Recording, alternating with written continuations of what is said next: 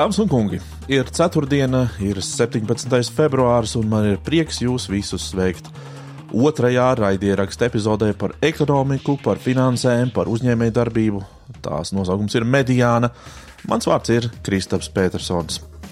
Es būšu jūsu gids nākamajās divās stundās visos šajos tematos. Būs daudz sarunu, diskusijas, un es ceru, ka tas viss jums būs ļoti interesanti. Es gribu arī pateikt paldies visiem tiem, kuri veltīja un atsūtīja labus vārdus par pirmo epizodi. Tas tikai liecina, ka mēs esam uz pareizā ceļa. Un ķeramies klāt šodienas epizodei. Mūsu šodienas temats ir ilgspēja, tāpēc ar prieku piesaku savus šīs dienas viesus. To vidū ir ilgspējas vadītājs un padomus loceklis Latvijas bankā Edvards Kušners aģentūras WA Purpose ilgspējas vadītāja Kristīna Doroško un korporatīvās ilgspējas un atbildības institūta vadītāja Dārts Helmane. Ekspresa intervijā par stāvokli pirms turisma sezonas sākuma būs saruna ar Travel News LV vadītāju Aivaru Matskeviču, bet šīs nedēļas uzņēmuma statusā Latvenergo.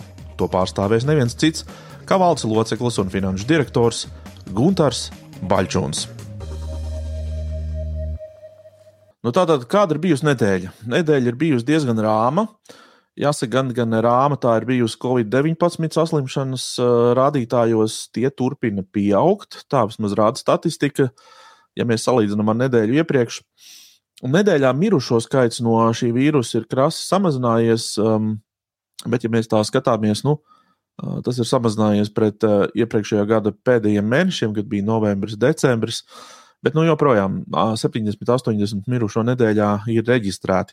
Kas, protams, ir ļoti bēdīgs fakts, jo mēs zaudējam gan līdzcilvēkus, arī darba spēku, nodokļu maksātājus, ražotājus un pircējus. Tātad ekonomikas dalībniekus. Katrs cilvēks Latvijai ir ļoti būtisks un ļoti svarīgs, un to es nekad nebeigšu uzsvērt. Laiku pa laikam uzņēmumi laiž klajā arī datus, to mēs arī redzam tagad pēdējās nedēļās. Uh, par saviem sasniegumiem un arī neveiksmēm pagājušajā gadā.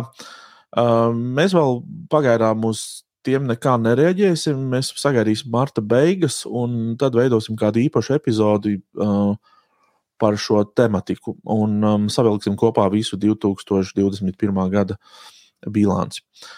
Tad vēl pagājušajā nedēļā es piedalījos interesantā diskusijā, kuru organizēja Eiropas parlaments un uh, kura bija veltīta pat labam Eiropas padomus līmenī apspriestām divām jaunām un būtiskām regulām par tirdzniecību internetā. Un, jā, pašā pamatā tā ir Eiropas virtuālās ietekmes uh, stiprināšana iepratīm ASV milžiem, tādiem kā Google, Apple, uh, Amazon, Meta un citām. Runa ir gan par patērētāju aizsardzību, gan par dezinformācijas novēršanu, par demokrātijas palielināšanu. Um, tā vien izskatās, ka šī um, prezidējošā Francijas, uh, nu, prezidējošā Francija, kas uh, padomē šobrīd ir, ir apņēmusies līdz jūnijam uh, šīs, šīs divas regulas izdzīt cauri parlamentam un ar nākamo gadu palaist arī darbībā. Kāpēc tas ir svarīgi? Uh, Um, jo faktiski visus uzņēmumus, kuru kritiskās biznesa infrastruktūras ir virtuālas, uh, uzņēmumus, kuru darbība ir bāzēta internetā, šī regula skars ļoti tiešā veidā. Gluži tāpat kā mēs savulaik norijām datu regulu, mums būs jānorija arī šīs divas regulas, uh, un tās mums būs saistošas. Um, te ir neliels fragments no diskusijas um, pagājušajā nedēļā. Jebkuras demokrātiskas, tiesiskas valsts pamatu uzdevums ir aizsargāt savus pilsoņus, aizsargāt savu pilsoņu tiesības. Un eh, tas aizvien vairāk ir jādara ne tikai uh, fiziskajā telpā, bet arī virtuālajā telpā. Un tieši tāpat kā, nu, kā jau tik, tiki pats teicis, nu, tie ir inovatīvi likumi, par kuriem mēs ceram, ka Eiropa būs priekšā pārējai pasaulē attiecībā uz šīs internetu vidas sakārtošanu. Tā ir tā pamatlieta, un Eiropai, protams, ir savs vērtības, kā vērtības, kādas kā vārda brīvība, kā privātā dzīve un tā tālāk. Vienlaikus, protams, arī šis te, nu, dezinformācijas apkarošanas moments ir eh, ļoti, ļoti nozīmīgs. Es domāju, ka mēs eh, kā reizi pēdējo gadu laikā esam diezgan daudz ko redzējuši šajā sakarā Covid kontekstā, Jā. vai ne kā tieši šīs sociālo tīklu platformas tiek izmantotas uh, dažādas ļaunprātīgas dezinformācijas izplatīšanai, bet, ja runā par šiem konkrētiem tiesību aktiem, tad viņi ir uh, saistīti ar divām atšķirīgām lietām. Tas digitālā tirgus likums ir lielākoties saistīts ar konkurences nosacījumiem digitālajā telpā. Jo mēs zinām, ka ir vesela virkne ar milzīgām kompānijām, ar miljardiem lietotāju, kuras patiesībā strādā ļoti ierobežotas konkurences apstākļos un ļoti daudz ko nosaka. Vai ne? Nu, mēs zinām, nu, galu galā taču es saprotu, ka Facebook vai Metas tirgus kapitalizācija ir kaut kur tuvu pie triljona. Kas ir labas valsts? Jā, jā, jā, jā kas ir, nu, salīdzinot ar vienu otru valsti, ir, ir ļoti, ļoti liels cipars. Tas ir daļa, kas saistās ar to no tirgus regulēšanu, tā lai šie milži pārāk nedominētu un neierobežot brīvu konkurenci dažādiem, piemēram, arī Latvijas startupiem, kas gribētu kaut ko pasākt, bet no ar šiem lielajiem milžiem cīnīties diezgan sarežģīti dažos aspektos. Un tad ir tas mēģinājums kaut kā padarīt tos spēles nosacījumus drusciņi līdzvērtīgākus. Otra lieta ir tas digitālo pakalpojumu likums, kurš šobrīd ir ļoti lielā mērā tieši aktualitāte, tāpēc, ka tas ir jautājums par um, digitālo pakalpojumu piedāvātāju attiecībām ar saviem klientiem. Uh, un, uh, tur ir jautājums, protams, par nelegālu kontentu, es atvainojos, saturu vai ne. Uh, cik ātri no tā ir jātiek vaļā, eh, tas ir jautājums par dažādu veidu apmaksātas reklāmas un faktiski cilvēku izsekošanu eh, internetā, tur labos vai netik labos nolūkos. Bet tas ir arī jautājums, protams, par šīm te, nu, ļaunprātīgajām dezinformācijas kampaņām, uz kurām nu, tiem lielajiem platformu pakalpojumu piedāvātājiem būtu jārēģē. Un tam, protams, ir zināmi riski, maigi izsekoties saistībā ar demokrātiju, proti attiecībā uz to, kā mēs veidojam veidojam sabiedrisko domu. Un, piemēram, mēs varam piedzīvot, uh, nedod Dievs, nu, kaut kādu vēlēšanu kontekstā, kaut kādas pēkšņi izplatītas viltus ziņas no kādas trešās, nepārāk draudzīgās un nepārāk demokrātiskās kaimiņu valsts. Uh, kura izplata, piemēram, to, ka šodien nevajag iet ārā, tāpēc, ka ir indīgs gaiss. Es vienkārši tā abstrakti runāju. Uh, kādā veidā tas ietekmēs mūsu vēlēšanu rezultātus un mūsu demokrātisko procesu? Nu, tad ir jautājums, protams, par botiem, ir jautājums par to, kā mēs varam tikt vaļā no, uh, no tiešām nepārprotami ļaunprātīgi izmantotas dezinformācijas, īpaši, ja tā nāk no ne Eiropas Savienības valstīm. Uh, tie ir visi jautājumi, kas tādā vai citādā veidā šajos likumos tiek skarti vienlaikus apzinoties to, ka mēs negribam kavēt uh, tehnoloģiju attīstību. Tā ir viena no lietām, ar ko mēs kā reiz Eiropas parlamentā diezgan pamatīgi nocīkstamies, jo tur ir vesela virkne ļaužu, kas grib ierobežot visu, ko vien var ierobežot.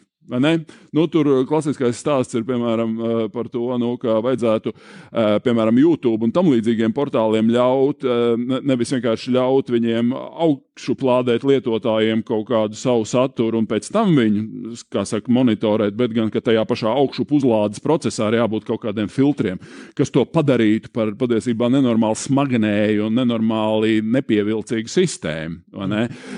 Tad ir vienmēr jāmēģina atrast kaut kādu kompromisu starp to attīstību. Jo, starp citu, tie aplīši, kurus uh, pats tika rādījis uz uh, uh, ekrāna attiecībā uz to, cik ir kaut kādu, ja vēlies, vienradžu Eiropā un cik viņi ir Amerikā un Ķīnā, mēs redzam, ka mēs diezgan pamatīgi iepaliekam, un tas ir viens no Eiropas Savienības uzdevumiem patiesībā to iepalicību mazināt. Tur droši vien no tādiem lielajiem vienīgais, kas ir patiešām samanāms Eiropā tādā globālā līmenī, ir Spotify vai ne? Vispārējie ir, nu, viņus zina, bet nu, tie nav līmeņi līmeņa vienradži un tāda līmeņa uzņēmumi, kādi ir eh, nu, tur visi lielie tur Tencent Ķīnā, vai Microsoft, Apple vai Meta Amerikā, un Eiropa negrib iepalikt. Tā ir arī viena no lietām, ko būtu jāņem vērā. Bet tas, ko amerikāņi saka, viņi saka, jūs cenšaties uz mūsu kā, izaugsmas rēķina, uh, nu, kā, bremzējot mūsu attīstību, tagad uh, savākt to savu ietekmi un mēģināt uh, savu ietekmi. Bet jūs taisat biznesu pie mums. Ne, tagad, draugi, bet, bet, bet robežas taču ir vaļā. Nu, kā robežas globalizācija. Ir vaļā, tieši tā, bet tā ir, sapcīt, vēl vēl viena paralēla tēma, cik lielā mērā šie visi milži maksā nodokļus tajā valstī, kur viņi reāli to peļņu gūst. Bet, tādā ziņā, nu, ja tas, piedošana, jūs esat izveidojuši globālu biznesu, un šis globālais bizness grib strādāt Eiropā, kas ir viens ļoti liels tirgus, ar teju 500 miljoniem pietiekoši pirktspējīgi patērētāji, tad lūdzu rēķinieties ar to, ka mums ir kaut kāda nosacījuma. Protams, ka tur tā deķa vilkšana uz vienu vai otru pusi ir diezgan jūtama. Arī tas, ko tu pats pieminēji, ka nu, Facebook tur ir piedraudējis, ka viņš varētu, piemēram, aiziet no Eiropas vispār, tāpēc, ka jūs neļaujat mums Eiropā iegūtus datus pār vest uz Ameriku viņu apstrādēji un izmantošanai. Nu, tā deķa vilkšana ir liela, un, protams, ka tas lobby spēks tiem uh, internetu milžiem arī ir jaudīgs, bet tas nenozīmē, ka mēs nevaram neko nedarīt. Pilnu sarunas ierakstu varat atrast Eiropas parlamenta Latvijas pārstāvniecības Facebook lapā. Uh, es ceru visiem tiem, kas, uh, kuriem ir interese par šīm, par šiem jautājumiem, to arī izdarīs. Jo nu, visādi citādi tas patiešām vēlreiz uzsver uz attiecas uz mums visiem. Šajā nedēļā man dziļi personīgi aizkustināja vēl viens Facebook video, kuru savā profilā ievietoja mūsu šīs nedēļas sarunas biedrs Latvijas Bankas padomus loceklis Edvards Kušners. Proti, viņš savā profilā ir ievietojis video, un varat iet un apskatīt, kurā Britu parlamenta komisijā notiek diskusija par iekšzemes koprodukta kā atskaites punktu vai ekonomikas mērauklas, um, es pat teiktu, kaitīgumu. Tā to varētu pat varbūt traktēt.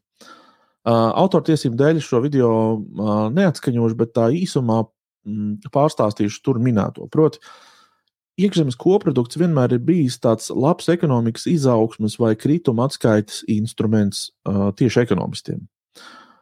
Iekšzemes koprodukta izaugsme pasaulē ir nesusi daudz ļoti labu lietu. Piemēram, ienākuma līmenis ir pieaudzis, um, pieeja ēdienam ir paplašinājusies, tāpat kā izglītībai un medicīnai.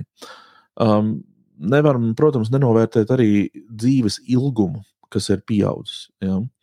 Tātad izmaiņas visās pasaules malās notiek, lai gan tās varbūt nenotiek uh, uh, vienmērīgi, bet nu, šur un tur ir izaugsme. Un, un pārsvarā tas ir, uh, protams, bagātajās valstīs. Uh, Problēma ir tā, ka visā šajā iekšzemes koprodukta izaugsmes uh, procesā um, tas vienlaikus ir bijis arī uh, šis process atbildīgs par apmēram 1 triljonu CO2 izmešu. Um, tāpat uh, tas faktiski ir aizslaucījis nebūtībā vairāk nekā vienu miljonu sugu no šīs pasaules.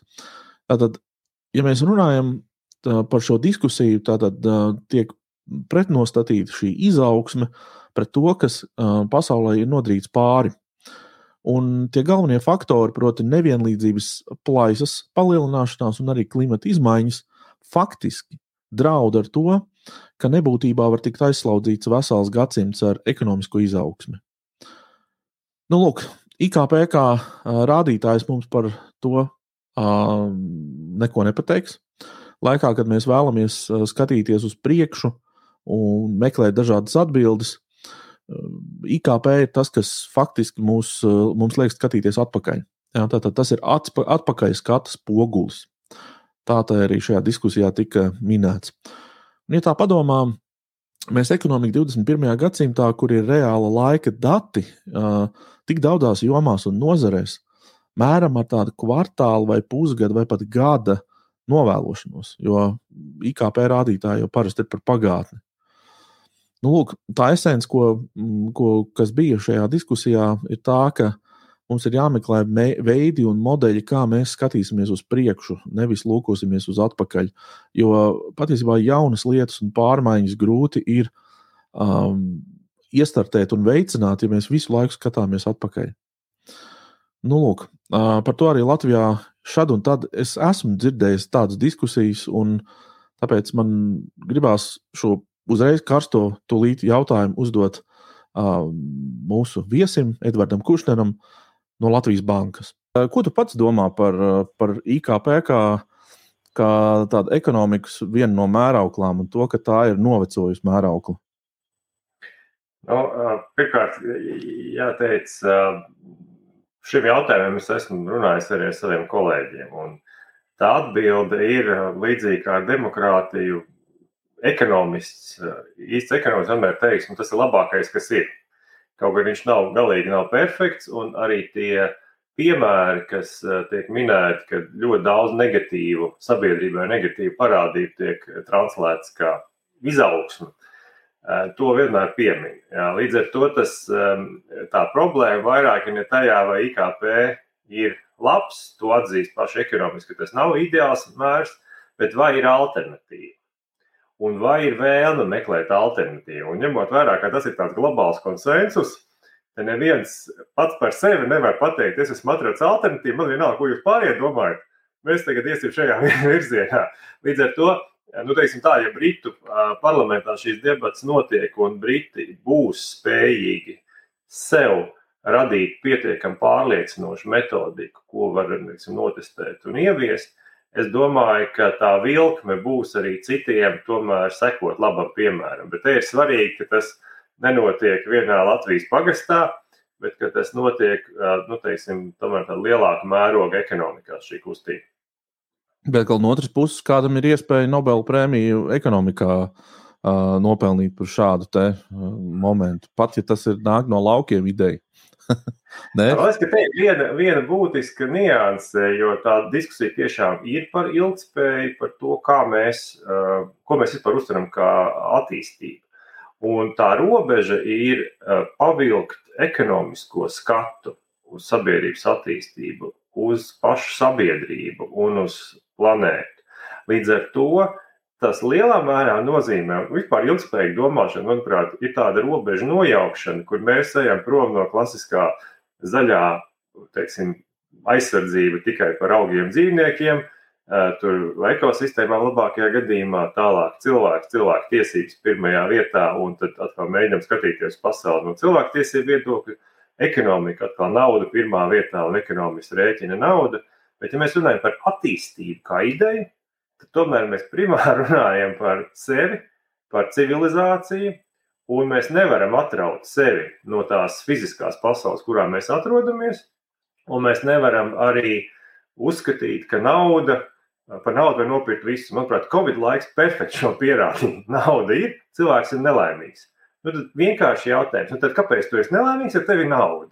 Ja, jo ļoti daudziem auga Covid laikā ienākumi, pietiekami liela sabiedrības daļa, vai viņi bija laimīgi par to. Mēs redzam, milzīgs uzkrājums bankās. Tas nozīmē, ka, lai cilvēks justos labi, ir vajadzīgs kaut kas daudz vairāk. Un tad šī, šī koncepcija izaugsme rēķināt no tā, ka ir, ir labāk visiem, viņa iet ārpus ekonomikas. Un tā ir tā pirmā problēma ekonomistam atbildēt šo jautājumu. Jo viņam būtībā ir jāiet ārpus savas profesijas robežām. Un tā multidisciplinaritāte kā ideja, mēs uzreiz redzam starojumu tālāk uz izglītības sistēmu. Mēs jau sen runājam, ka izglītība ir vajadzīga multidisciplinaritāte. Jo, ja mēs ražojam šauru speciālistus, mēs nespējam to, to, to prātu paplast. Jā, precīzi. Man atkal no šīs diskusijas fragmenta ļoti iespiedās prātā tas, ko viņš teica par uh, to, ka mūsdienās viss tiek uh, kalkulēts uh, reālā laikā. Ka gan mākslīgais intelekts, gan visas šīs spējas, algoritmu spējas visu izrēķināt, um, pārskaitījumi notiek nanoturu sekundēs un tā tālāk. Tas ir tik dīvaini, ka ekonomika nevar tikt rēķināta arī kaut kādā ziņā reālā laikā. Uh, Mēs, es atceros, mums diena pēc bija saruna, kur Maksims Jegorovs intervēja Nēlu Kalniņu, kur, kur runa tieši bija par to, ka varbūt ka mākslīgais intelekts patiesībā varētu valsts budžetu daudz labāk proporcionāli sarēķināt un, un sakārtot nekā, nekā cilvēks to spētu. Nu, tāda filozofija, protams, bet uh, nu, par to reālo laiku un ekonomikas teiksim, rēķināšanu un fiksēšanu reālā laikā, cik tas ir iespējams nu, neapšaubām, ka, piemēram, sasaistot uzņēmumu iekšējās sistēmas ar kādu nezinu, valsts statistikas kantoru vai valsts ieņēmumu dienestu. Daudz runā par to, ka, nu, kāpēc mēs rēķinām kaut kādos ciklos, ja to visu rēķināt uzreiz, jo tāpat grāmatvedība iestādē tiek veikta nu, automātiskā, automatizētā veidā pietiekami. E, jā, bet atkal jautājums, nu, vai tas ir līdzeklis vai mērķis? Ja, jo tas, ka mēs visu ļoti ātri rēķināsim, mēs vienkārši ātrāk zināsim datus. Jā, precīzi. Manā ieskatā no ilgspējīgas domāšanas viedokļa ir, ko mēs darām ar datiem, kāds ir mērķis, ko mēs gribam sasniegt. Un nevienmēr tā ātrā datu plūsma ir atbilde. Mm -hmm. Tas nozīmē, ka kaut kādā ziņā ekonomistiem būtu jākļūst arī par tādiem kā futurologiem savā ziņā. Nu, droši vien. Nu, es domāju, ka ekonomistiem ir jāmācās empātija un jāsaprot, ka aiz visiem cipariem ir cilvēks. Ka patiesībā ekonomika jau arī strādā tikai un vienīgi cilvēki, ka mums nav cita patērētāja kā, kā dzīvā būtne, vismaz pagaidām. Ja?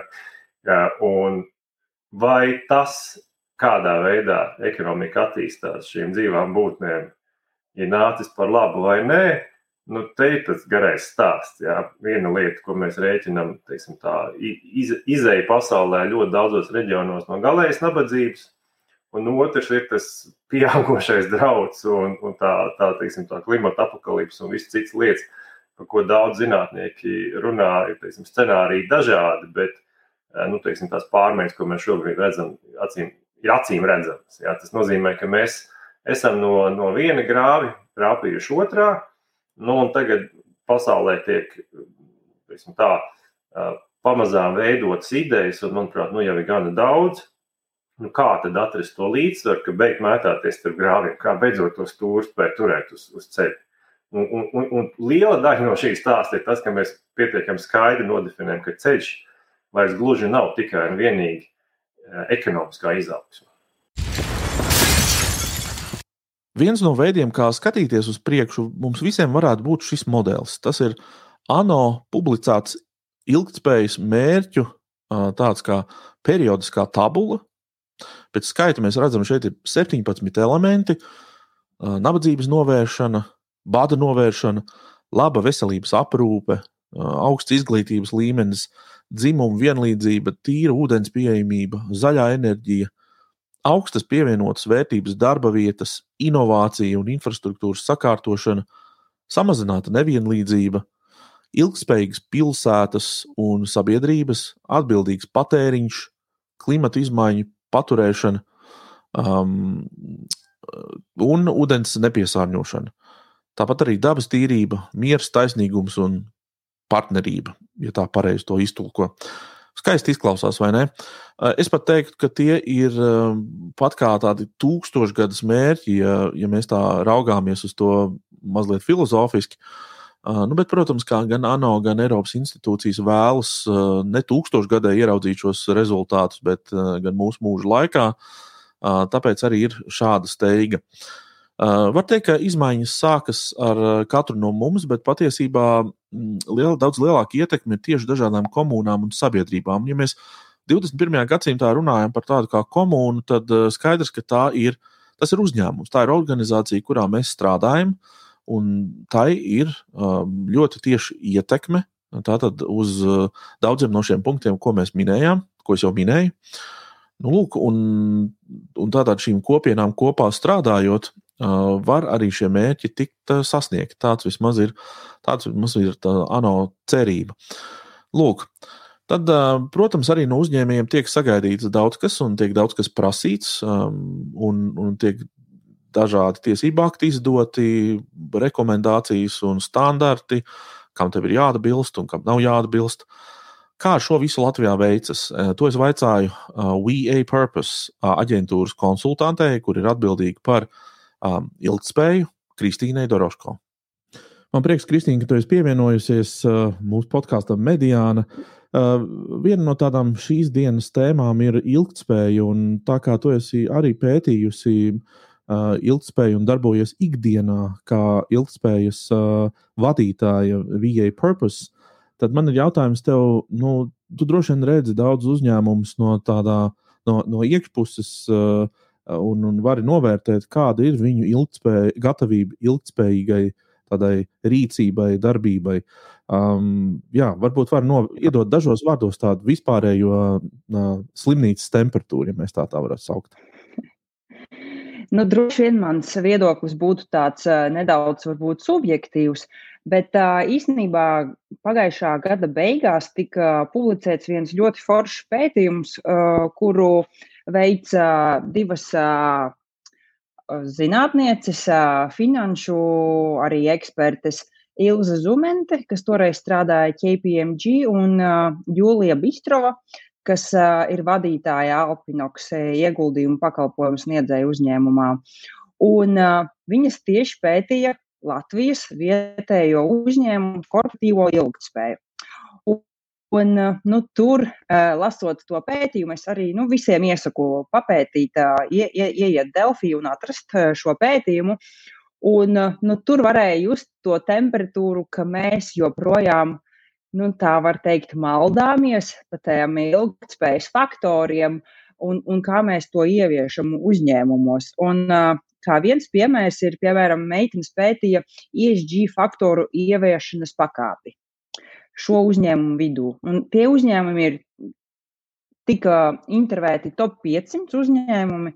Un, protams, ne visi atbildēja, bet Jā. nu, reprezentatīvais skaitlis bija sasniegts. Tad tā ieviešanas pakāpe tika novērtēta 5 no 10 ballēm. Nu, tad, tad tā, mēs esam tādi viduvēji. Tie, nu, ņem, pusīt, vērā, pusīt. jā, ņem vērā, ka tie ir labākie top 500 uzņēmēji. Un vislabāk veicas tiem uzņēmumiem, kurus spiež akcionāri un arī starptautisku uzņēmumu filiālis. Tie, jā, protams, ir solīti tālāk. Un, un visstrakāk jā, ir privātajiem, vietējiem, privātu uzņēmumiem. Tālāk.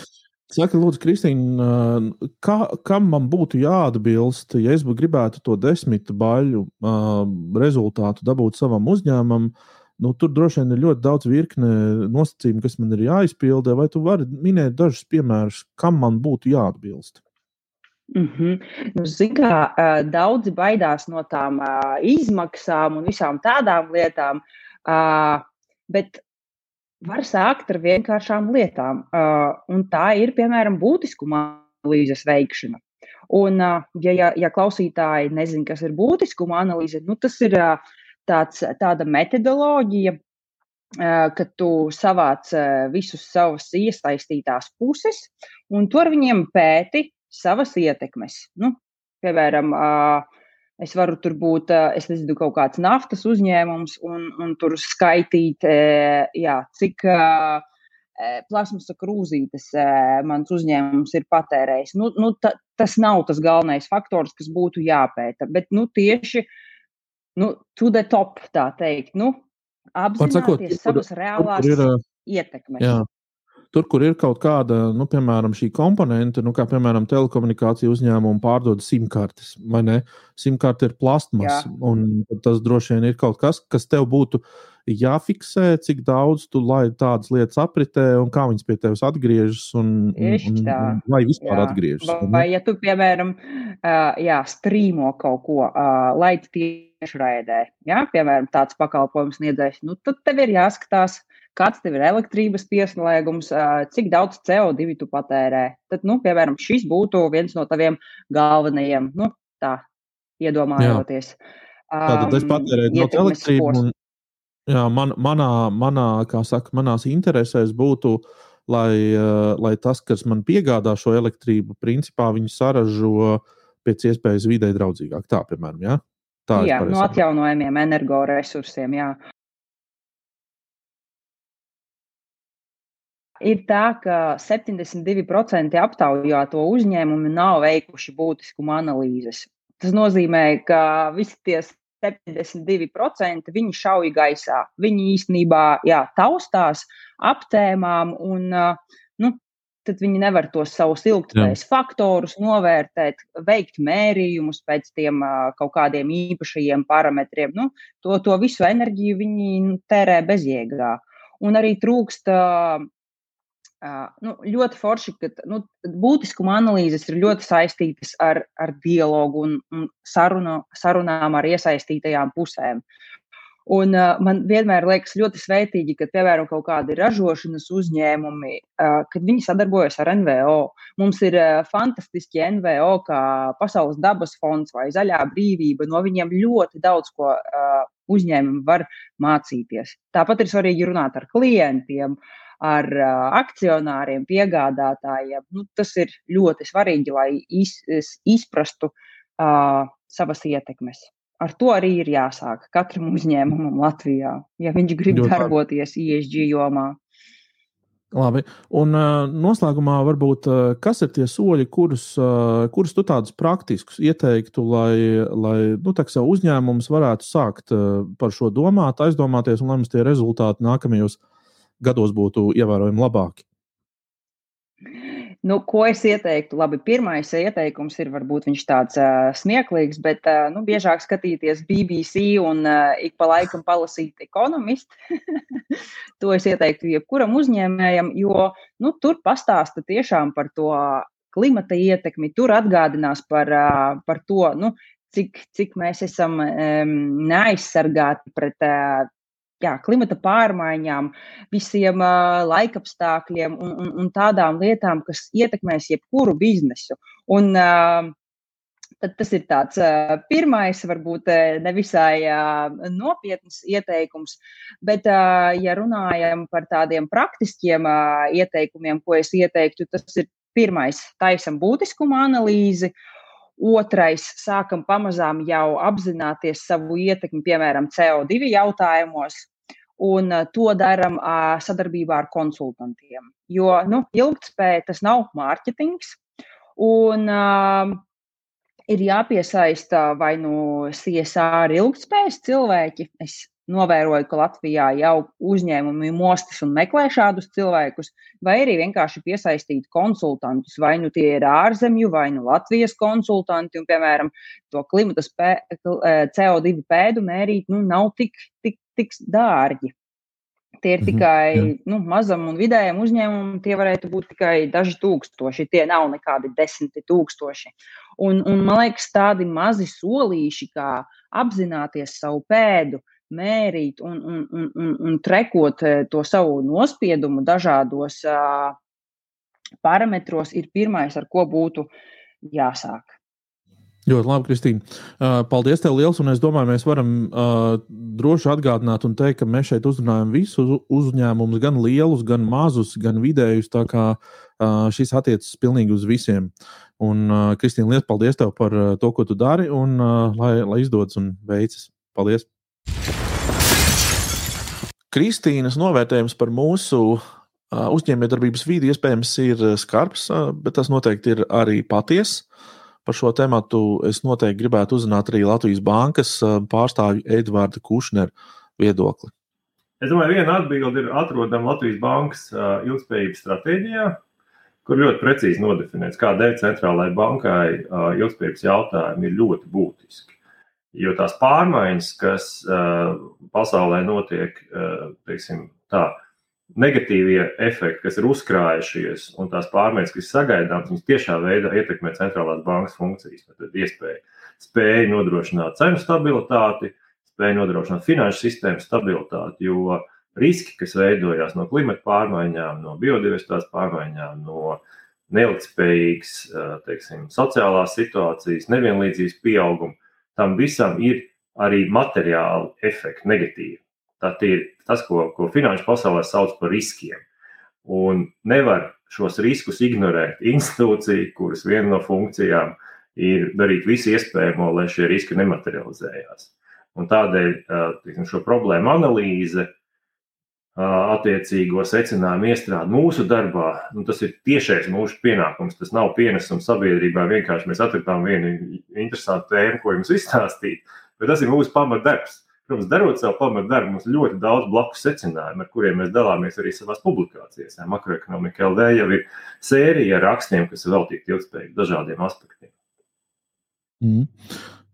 Vai kā tas tīri praktiski notiek? Nu, um, Tas jau nav gluži tā, ka tu pārvā, pārtulko Harvard biznesa review rakstus vai kaut ko tādu. Nu, ir droši vien ir, eh, to aplicē kaut ko uz, uz, uz, uz, uz, uz Latvijas situāciju vai uz kaut kādu Baltijas reģionu situāciju un, un, un runā par to kaut kādos kontekstos?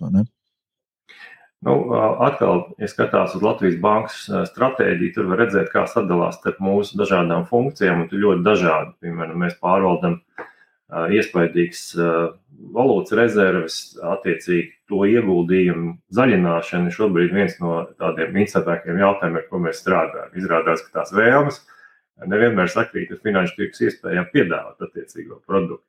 Tāpat arī kā iestāde mēs darām savu darbu, lai, lai mazinātu savu ekoloģisko pēdu. Bet, ja runā par pētniecību, par šīm mūsu teiksim, pamatfunkcijām, tad banku uzraudzībā arī jau ir bijuši vairāk banku aktīvu un, un kredītu portfeļu vērtējumu, kas jau iepriekšējā gadā mūsu pārskatos var redzēt secinājumus. Nu, teiksim tā, vienā vārdā Latvijas finanšu sistēma ir samērā noturīga pret tām pārmaiņām.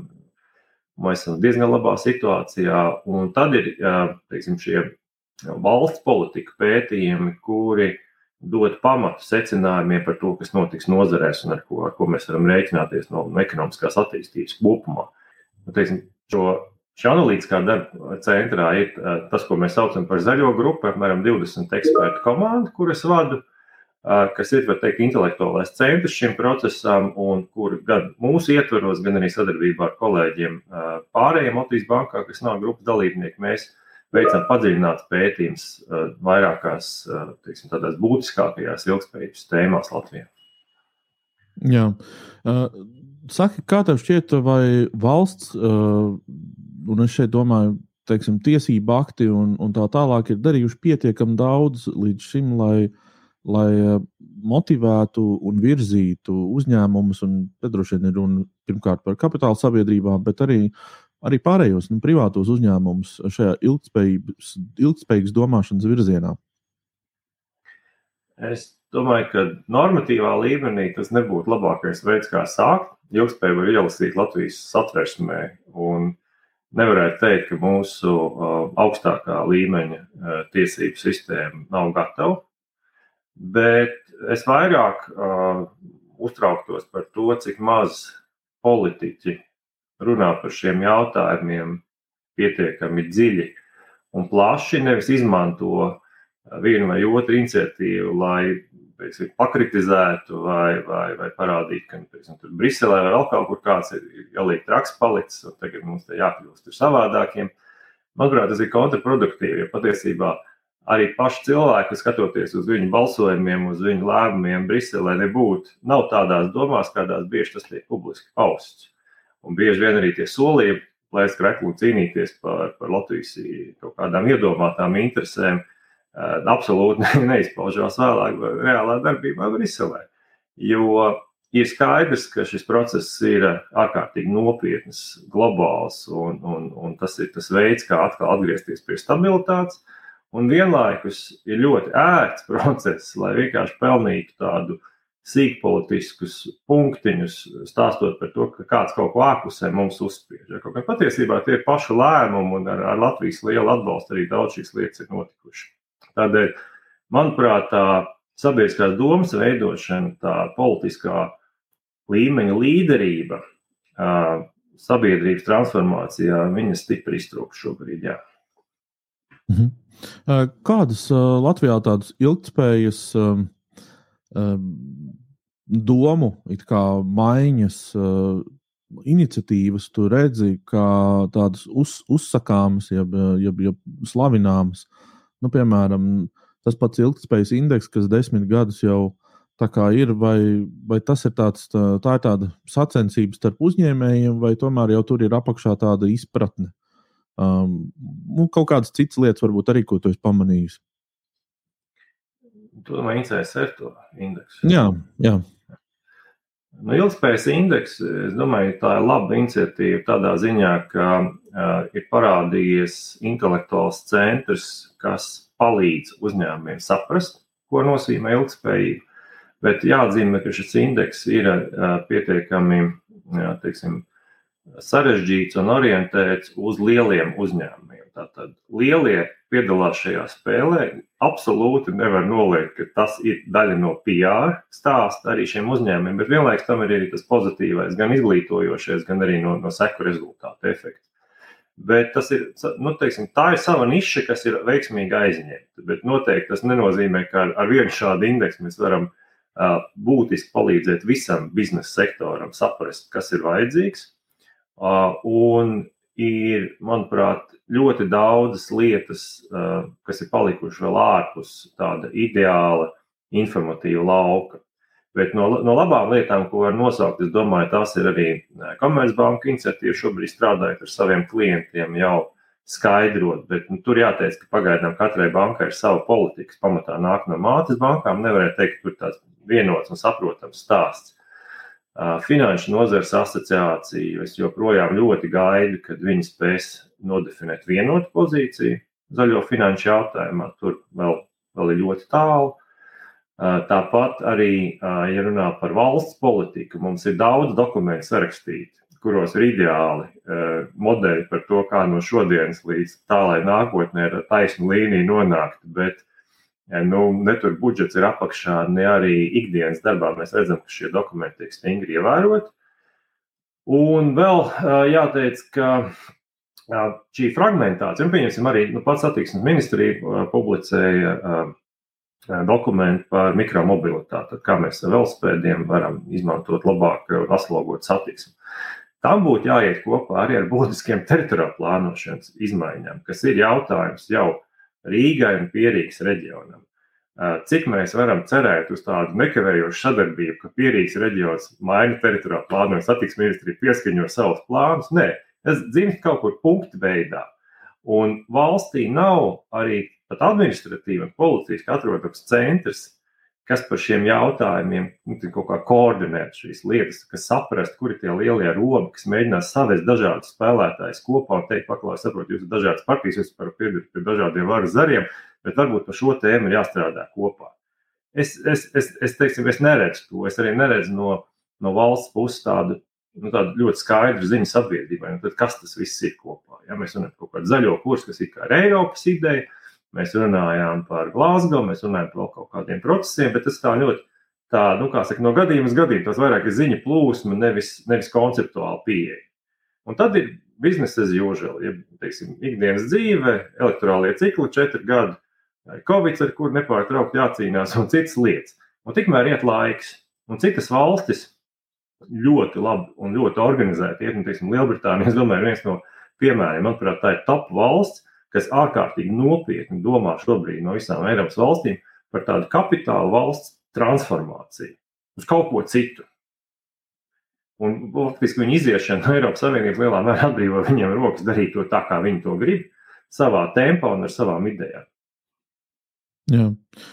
Kā tev šķiet, vai nu, es nezinu, es, es vienkārši pats domāju, man liekas, ka mums vairāk piestāv tāds kā tas pātagas princips, kā kā vispār var ieviest kaut kādas jaunas, eh, jaunas lietas un iniciatīvas, piemēram, mēs savā uzņēmumā vai es savā sabiedrībā riņķi apkārt. Jo, jo ja es tā padomāju, nu, ja man tā no bankas atnāk cilvēks un kaut ko stāsta un rāda man bukletiņu, un, un tā, tā ir viena lieta, bet ja man atnāk cilvēks no bankas un pasaka, ka tu nedabūsi kredītu, tāpēc, ka tu neizpildi šādu, šādu, šādas prasības, tā ir pavisam cita saruna nu, pasauktais taksonomijas process uh, attiecībā uz, uz finanšu sistēmu zaļināšanu Eiropas Savienībā tieši tā jau arī būvēts. Un šī pārteiga ir izveidota un, un tā pamazām sāks darboties. Bet nu, uh, es vēlreiz uh, domāju, ka ilgspējīgs sabiedrības pamatā ir cieņpilna savstarpēja cieņa un cieņpilna attieksme gan pret teiksim, tiem resursiem kopējiem, gan pret to teiksim, pārdali, gan pret dažādu interešu izlīdzvarošanu. Un, ja mēs runājam par pārteiku kā latvietim pieejamāko metodi, tad tādu mēs arī jutīsimies kā pārtegot. Tātad sāpes, aizvainojums, niknums. Es, protams, ka mūsu tādā gadījumā kaut, kaut kur kāds iedzīs, šajā situācijā, jo, ja pasaulē mainās lietas, tad, ja gribot tirgoties ar pasauli, mēs būsim spiest pielāgoties. Bet mēs būsim pazaudējuši milzīgu uh, apjomu iespēju, uh, pieejot pozitīvi šai idejai, saprotot, cik liels ir pasaulē deficīts uh, pēc jauniem risinājumiem, tehnoloģijām, pakalpojumiem. Kaut ko no šī visa pārvērst arī savā labklājībā. Jā, tas jau nenozīmē, ka, ka, mē, ka mums vajag tagad atteikties no labklājības vai vispār aizmirst par to, ka mums ir vajadzīga arī nauda. Ja? Bet, ja mēs tikai sekojam līdz tam, ko dara citi, tad mēs nekad arī biznesā nespēsim aizņemt tās pirmās nišas. Jo mēs lieliski zinām, ka pirmais, kas aizņem, tas, tas paliek tur uz, uz krietni ilgāku laiku. Ja? Teiksim, par kseraksiem joprojām savas kopējumās mm. mašīnas, ja, cik viņas vēl tiek lietotas, bet tikai tāpēc, ka tā bija pirmā pirmā kompānija, kas viņu radīja. Ja? Un, tas paliek uz mūžiem. Mēs nedaudz pieskārāmies ilgspējas indeksam, kur eh, Edvards eh, varbūt bija jā, mazliet tāds varētu teikt, kritisks un teica, ka tas daudziem uzņēmumiem ir tāds kā PR efekts. Bet īstenībā, ja mēs tā raugāmies, tiešām šis ilgspējas indeks ir devis impulsu, stimulu ļoti daudzām lielām kompānijām uh, pavērst savu darbību un pagriezt savu rīcību citā virzienā. Un es domāju, vienalga ar kādiem līdzekļiem, bet tas ir bijis tiešām labi un vērtīgi. Tieši tāpēc es um, tagad piesaku sarunu uh, kurā mans kolēģis Eko Baltijas valdes priekšsēdētājs Māris Simonovičs iztaujās korporatīvās atbildības un ilgspējas institūta vadītāju Daci Kalmani. 2010. gadā, kad mēs uh, palaidām tautās ilgspējas indeksu, mēs vēlāk ar kolēģiem smējāmies, ka, ka tajā brīdī daudzi pat nezināja, kā uzrakstīt vārdu ilgspēja, un vēl mazāk saprata, ko tas patiesībā nozīmē. Bet acīm redzot, kolēģi, kuri stāvēja nu, tādā ziņā pie ilgspējas indeksa šūpuļa, bija savā ziņā vizionāri, jo, jo saprata, ka ilgspēja kādā dienā kļūs par modes vārdu. Es nezinu, vai tu esi pēdējā laikā pamanījis kādu pasākumu, kur nosaukumā nebūtu vārds ilgspēja. Grūti atrast. Jā, grūti tiešām. Pat vajadzētu tagad jau pameklēt, vai tiešām, vai tiešām ir kāds, kur ilgspēja nav pieminēta. Un, un, un arī, ja mēs skatāmies uz ilgspējas indeksu, kas ir tāds mērījuma rīks, kas mums iedod objektīvu priekšstatu par to, kā bija tad, 2010. gadā un kā ir šodien, tad es pavisam nesen paskatījos rezultātus. Vidējais rezultāts 2010. gadā visiem uzņēmumiem, kas piedalījās, tātad arī šī brīža vērtīgākajiem uzņēmumiem Latvijā un un, un, un, un, un daudziem citiem. Tie bija kopā vairāk nekā simts uzņēmumi. Tas vidējais rezultāts bija, bija nedaudz vairāk par 45% izpildītu kritēriju. Nu, kas ir, ja mēs skatāmies desmit bāļu sistēmā, tad tas ir, tas ir nu, jau pamazs, jau, jau, jau zem piecinieka. Um, tad šobrīd šis vidējais rezultāts ir tuvu astoņi. Uh, un, uh, un Un ir jomas, piemēram, tirgus attiecības, viss, kas saistās ar tādu strateģisko plānošanu, tur uzņēmumi patiešām ir auguši.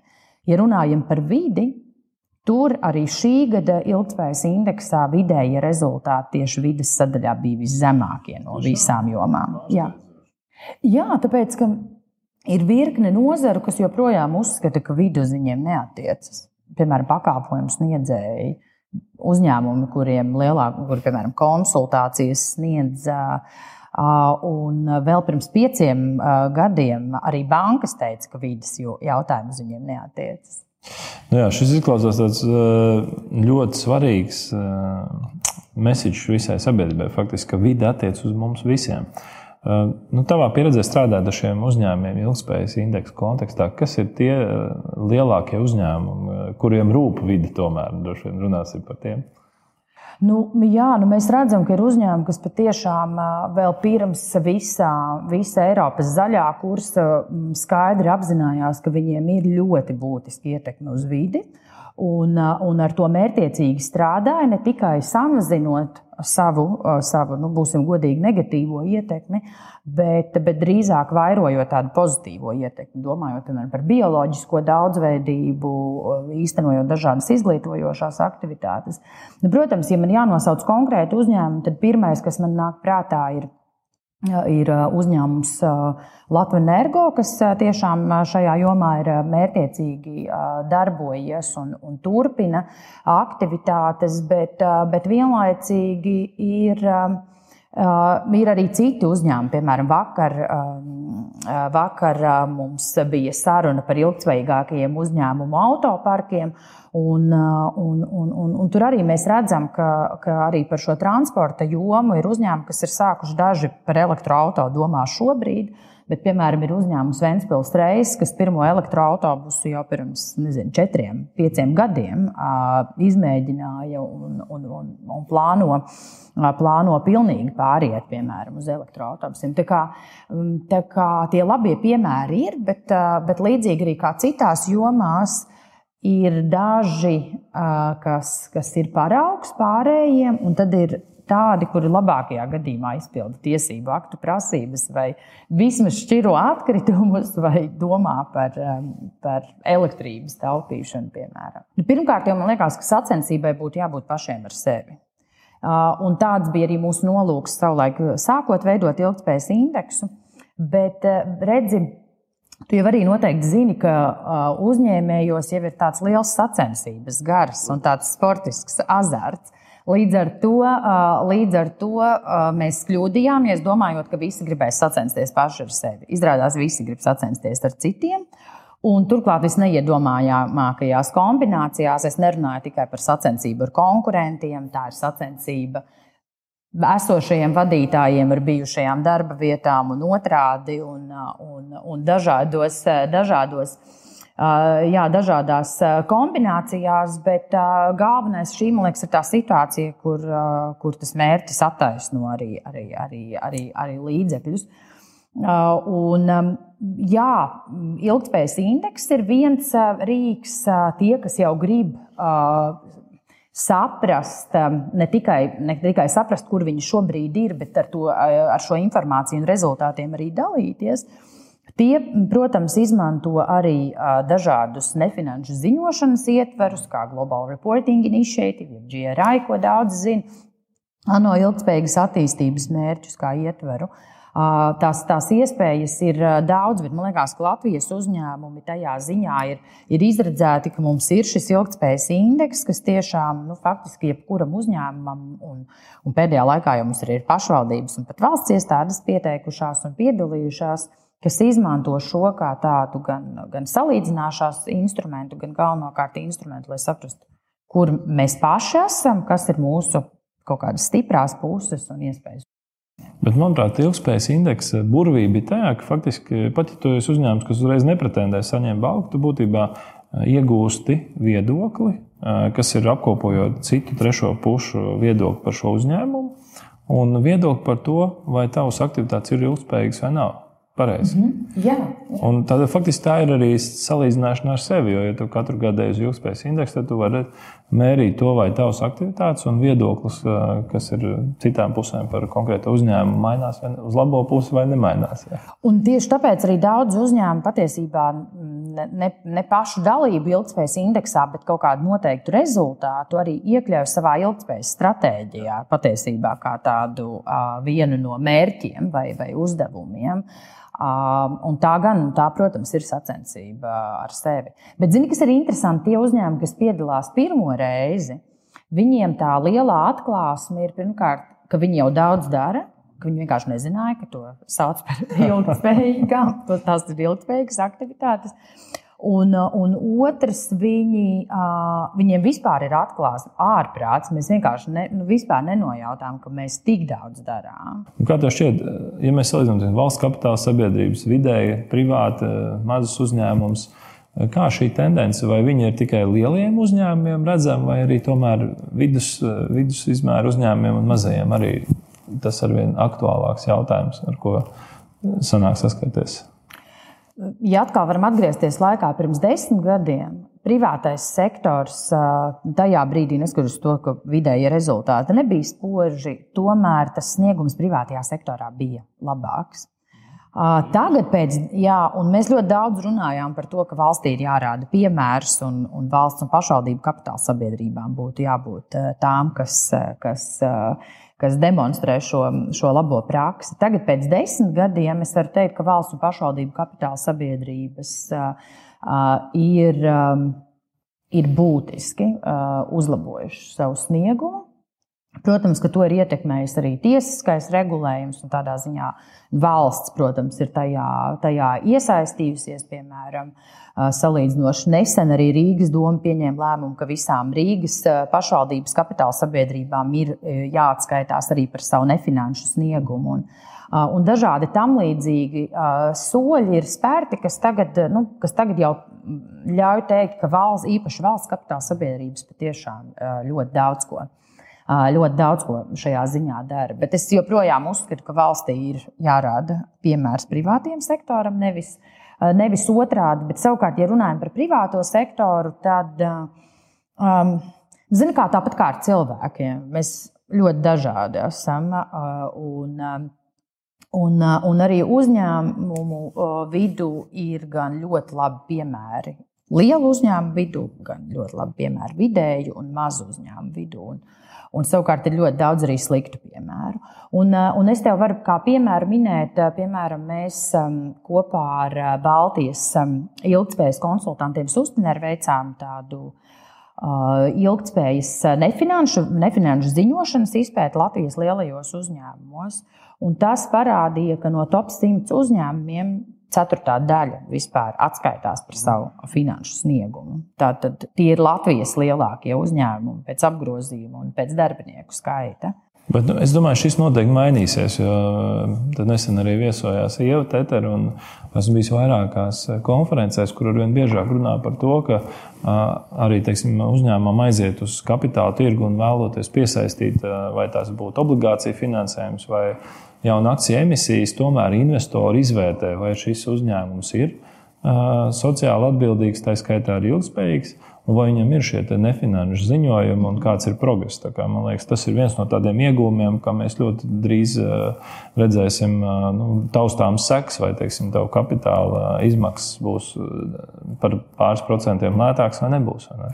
Nu jā, jo, jo tu jau arī šo pieminēji, bet tiešām mēs pirms desmit gadiem par to runājām, bet tagad tas ir nu, ieguvis vispār vēl jaunu, jaunu tādu apveidu, ka uzņēmuma nefinanšu sniegumam vai, vai šiem nefinanšu rādītājiem ir daudz lielāks svars uzņēmuma vērtībā nekā finanšu rādītājiem. Un, un patiešām investori saka un apgalvo, ka viņi uz šo skatās, jo klimata, vispār klimata riski šobrīd tiek vērtēti kā būtiskākie. Vēlos tikai atgādināt, ka pilnu sarunas ierakstu jūs varat droši sameklēt dienu pēc uh, kanālā YouTube. Tātad uh, droši ejiet YouTube, sameklējiet, ja meklētājā rakstiet dienu pēc, un jūs atradīsiet tur profilu, kam droši varat piesakot. Un es pat aicinātu jūs to abonēt, lai jūs garām nepalaistu uh, citas tikpat vērtīgas sarunas. Uh, tad, tā ir platforma, kurā šīs inteliģentās sarunas tiek, uh, tiek publicētas uh, vairākas reizes nedēļā. Un, um, jā, mēs jūs īpaši lieki netraucēsim, to mēs apsolām. Uh, bet uh, mēs negribam arī, lai jūs palaistu garām kādu sev vērtīgu sarunu. Um, šīs nedēļas uzņēmums ir Latvijas Energo. Uh, ja mēs runājam ilgspējas kategorijā, tad uh, Dācija jau pieminēja mm, Latvijas Energo kā labu piemēru. Latvijas Energo gadu gaitā ir sasniedzis platīna statusu uh, šajā ilgspējas indeksā. Un te būs arī mans jautājums uh, tūlīt um, tās valdes loceklim Gunteram Baļķūnam um, par to, kā tad šis uh, platīnas status ir sasniegts. Uh, saistībā ar ilgspēju un, uh, un tieši ar, um, ar, ar šo energoefektivitāti, kā tu vērtē, vai Latvijā uzņēm, uzņēmēji šobrīd, un tad droši vien mēs varam izdalīt lielie, mazie vidējie, uh, ir aizdomājušies par šo uh, jomu, vai, vai vēl joprojām tu jūti, ka, ne, ka tur ir darbs darāms? Es domāju, ka noteikti ir aizdomājušies, un, un, un nu, varbūt tā situācija nebija tāda nu, desmit gadus atpakaļ. Un, un mēs, mēs, mēs bijām viens no pirmajiem cēlonlaužiem, varbūt desmit gadus atpakaļ, kad mēs par šīm lietām sākām runāt. Arī mēs bijām viena no pirmajiem, kas sagatavoja ilgspējas pārskatus un arī, arī lielā mērā noteicām varbūt arī tādas tendences Latvijā citiem uzņēmumiem, kādā veidā pie šiem jautājumiem jāstrādā. Un, un mēs, mēs jau pēc savas tās definīcijas uzskatām, ka mēs esam ilgspējīgs uzņēmums. Mums, mums kādreiz piemirstās, ka kad īstenībā Latvija ir viena no valstīm, kurā ir, ir visvairāk, vai, vai, vai top trīs valstīm, kur ir, ir visvairāk atjaunojami energoresursi. Mēs, mēs tās, tā, tās lietas bieži vien piemirstam. Uh, Un, un, un, protams, nu, tur liels nopelns ir, ir mūsu uh, Daugaus hidroelektrostacijām. Un, un arī, arī gāzes koģenerācijās izstrādāt enerģiju vai gāzes stacijas īstenībā Eiropā tiek atzītas par ļoti, ļoti nu, teiksim, vidē draudzīgu ražošanas veidu. Un, un, un, un Un tā joma, kas, kas, kas, kas nu, teiksim, ir prioritātes, ir, ir aizvērt ogļu ģenerāciju. Un, un, un, un, un Polijā ir aptuveni 80% no kopējās izstrādes ir ogļu ģenerācija. Mums tepat kaimiņu valstī ST enerģija, mhm. kur arī ir, ir bāzēta uz degslānekļa izstrāde, kas ir pēc būtības kaut kas stipri līdzīgs ogļu stacijai ar, ar, ar samērā lielām CO2 izmešiem un, un, un, un, un, un citādām gāzēm, kas tur izplūst dedzinot šo degslānekli. Tā kā, tā kā, manuprāt, mēs varbūt biju aizmirstam, ka mēs jau esam īstenībā zaļvalsts. Un eh, tas, ko mēs kā uzņēmums gribam, eh, mēs gribam, lai, lai, lai bez, bez mūsu šīm esošajiem zaļ, nu, jau eh, ģenerācijas aktīviem ir arī, arī vēja parki un saules parki. Un pie tiem mēs arī tad attiecīgi tuvākajā laikā aktīvi strādāsim. Un, un ticiet, Jā. ticiet drīz, drīz redzēsiet, kad, kad tie pirmie projekti mums sāk parādīties. Jūs esat arī viens no retajiem uzņēmumiem, kas ir sasniedzis ilgspējas indeksā platīnu līmeni. Tātad es sapratu, ka pirmajos gados, kad organizēju šo, man liekas, platīnas nemaz nebija, bija zelts, un tad īpašām, īpašiem uzņēmumiem atvēra īpašu kategoriju. Uh, uh, ko tas nozīmē būt uh, ilgspējas indeksā platīna līmenī? Tad, tad, uh, tur droši vien ir, nu, kā saka, visam jābūt desmit, uz desmit un simts punktiem.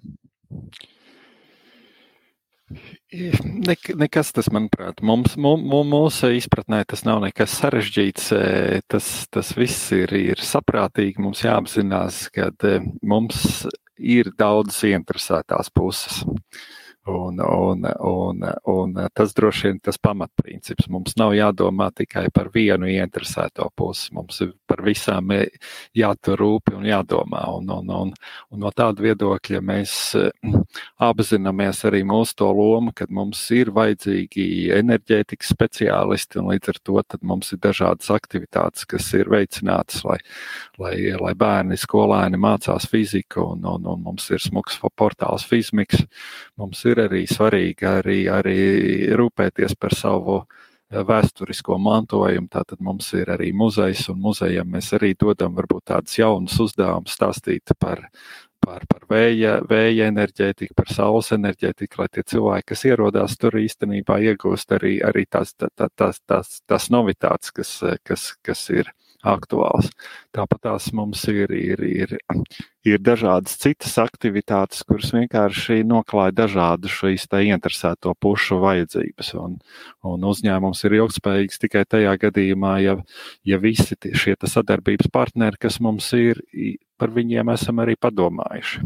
Un noslēdzot šo tēmu par ilgspēju, vēl pēdējās atziņas no Latvijas Bankas padomus locekļa un arī Latvijas Bankā par ilgspēju atbildīgo Edvards Kušner. Ja no biznesa es dzirdu, diemžēl no uzņēmējiem pārāk bieži, nu kā mums uh, pārdzīvot šo procesu. Apmēram tā, tas būtu tāds kas uz brīdi. Pēc tam noslēgs sviedrus, huh, zaļais kurs ir beidzies. Nu, kā saka, atgriežamies pie atpakaļ.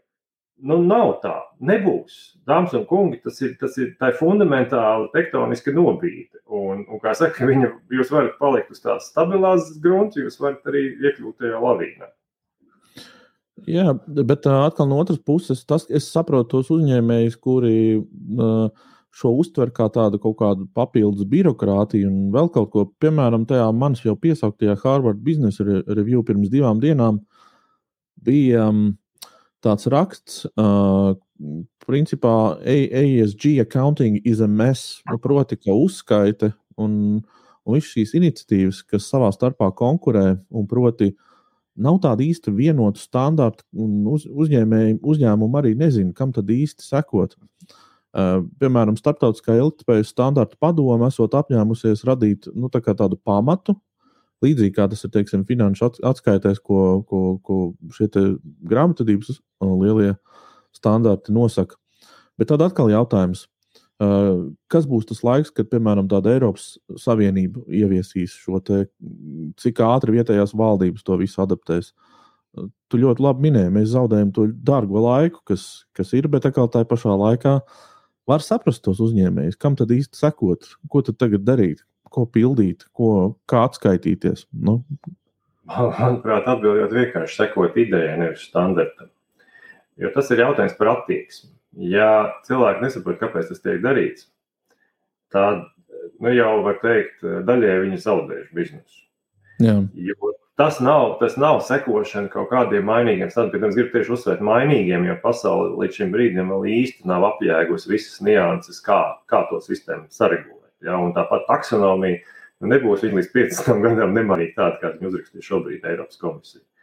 Tādēļ uh, ir, ir daudz uzņēmumu, kur vienkārši saka, ka jā, mēs esam atraduši savu nišu zaļajā pasaulē, mēs piedāvājam savu produktu, mēs aizstāvam savu ideju, mēs pelnām un mēs gribam būt pirmie tajā nozarē. Un viņi neprasa standartus. Viņi mēģina drīzāk viņus definēt. Un tad ir citi, kuri saka, no te kaut kas nāk, mēs nevaram saprast, kas jūs man pasakiet, kas mums ir jāizdara. Ļoti slikts sākums. Bet par to, ka ir, ir liela putekļa standartiem, es varu viennozīmīgi piekrist. Arī mēs šobrīd, mēģinot zaļināt savu investīciju portfeli, redzam, ka tā pašā ISG jomā tie ir privāti vairāki reitingu kantori, kur piedāvā ļoti atšķirīgas metodikas, kas vienu to pašu uzņēmumu dažkārt nu, teiksim, novērtē diametrāli pretēji. Kārtības tur nav, un kādu laiku vēl nebūs, jo process ir jauns. Bet vienlaikus tā nepieciešamība no, no lielā biznesa viedokļa savest kārtībā ir.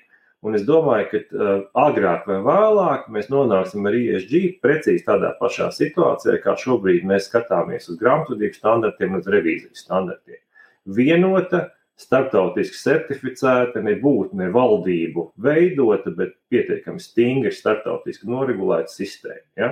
Un tas ir, manuprāt, skaidrs mērķis ISG vienā, teiksim, veidā un stilā sakārtots kā, pieņemsim, revīzijas standarti.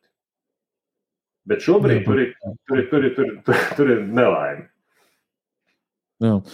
Tad uh, varbūt tāds mazliet filozofiskāks jautājums, tuvojoties uh, saka, mūsu sarunas noslēgumam. Uh, tu jau minēji par, par empātiskajiem ekonomistiem uh, sarunas sākumā. Tad kā sabiedrība var kļūt, piemēram, empātiskāk šajos ilgspējas jautājumos, ja, piemēram, uh, Daudzi no mums nav redzējuši ne badu. Daudziem varbūt, daudz varbūt nav šo nevienlīdzības plaisu piedzīvojuši vai kā tam līdzīgi. Kā var radīt empātiju, ja mēs dzīvojam vidē, kur dzeramais ūdens ir visu laiku pieejams, mēs viņu varam bezmaz tērēt uh, neierobežotā daudzumā un tā tālāk. Un tā tālāk. Pie mums ir joprojām pavasars, rudens, vasara, ziema un visas šīs lietas.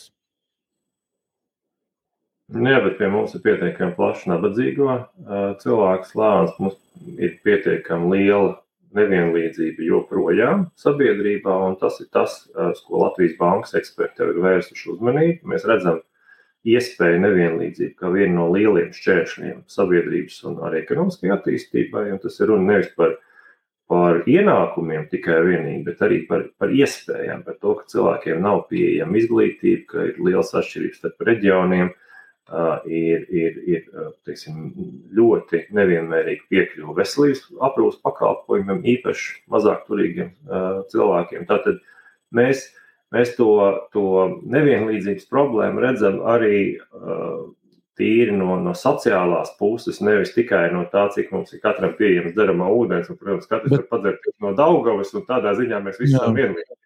Bet tādā, bet tā kā no otras puses, tā jau nav ārēju apstākļu vai kaut kāda ietekme. Tā ir mūsu paša, nu, kā saka, gudrība bez stulbums. Nu, uh, bet, bet, bet ilgspējīga attīstības problēma jau ir tikai vienīgi pašs stulbums. To jau radīs tikai civilizācija. Neviena no šīm problēmām nav atlidojusi no malas. Un neviena no šīm problēmām nav, nav kaut kāda visrendegēnas problēmas. Mums visas problēmas, ar, par ko mēs šobrīd runājam, kāpēc pasaulē ir, ir globāls pārmaiņas nepieciešams, ir tas, kas ir pašas civilizācijas attīstībā sakrājušies negatīvi efekti. Un viņi sakrājušies jau tādā masā, kad ir pilnīgi skaidrs, ka turpinot būs tikai sliktāk. Un, un ja daži, ir pietiekami turīgi, saka, mums ir vienalga, mēs sev vienmēr to nopirksim savu nišu, viņiem ir taisnība. Bet jautājums, vai pārējai sabiedrībai tas der? Kad daži jūtās labi un, teiksim, pērk to ēteru un pērk to, to, to skatuvi, lai stāstītu, ka tas viss ir blēņas. Un, un tā empātijas stāsts, viņš jau tieši ir par to, ka uh, tas ir vienkārši paskatīties uz savu blakus esošu cilvēku, uz, uz, savu, uz saviem kolēģiem, uz, uz, uz saviem tautiešiem un uzdot jautājumu, vai, vai tiešām viss ir, viss ir kārtībā, vai tiešām mēs saprotam, kā, kā jūtās pārējie. Un, un, un daļa no šīs stāsta ir tas sociālais kapitāls, cik mēs uzticamies viens otram. Jo, ja mēs neusticamies, mums arī neinteresē tas otrs cilvēks. Mums ir tā, nu, kā saka, tā egoistu uh, sabiedrība. Un šādai sabiedrībai ir ļoti grūti attīstīties. Un tā ir mūsu paša mm. arī, arī kā tautas problēma, jo mēs redzam, ka mums tā iekšējā uzticība ir viena no zemākajiem līmeņiem Eiropā.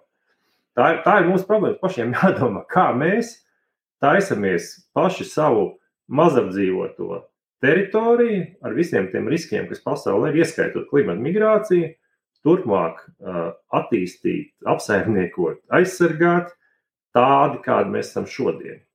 Ar vēl to visu čelšanos, kas ir notikusi pēdējo gadu laikā. Vai tas ir, tas ir ceļš uz priekšu? Es domāju, mums, mums ir tomēr jāapstājās un drusku jāapskatās vienam uz otru un, un kā saka, jāpaspiež roku tuvākajiem. Jā, kaut mēs visi ieklausītos, kā saka, tav, tavos ieteikumos. Un, uh, Edvards, liels paldies par tavu laiku, ko veltīji. Un, uh, manuprāt, šī ir tiešām ļoti vērtīga saruna, kur varētu griezt uz atkal un atkal un klausīties. Un, Saka, padomāt katru reizi par, uh, par, par to, par katru no mūsu rīcībām, ko mēs darām.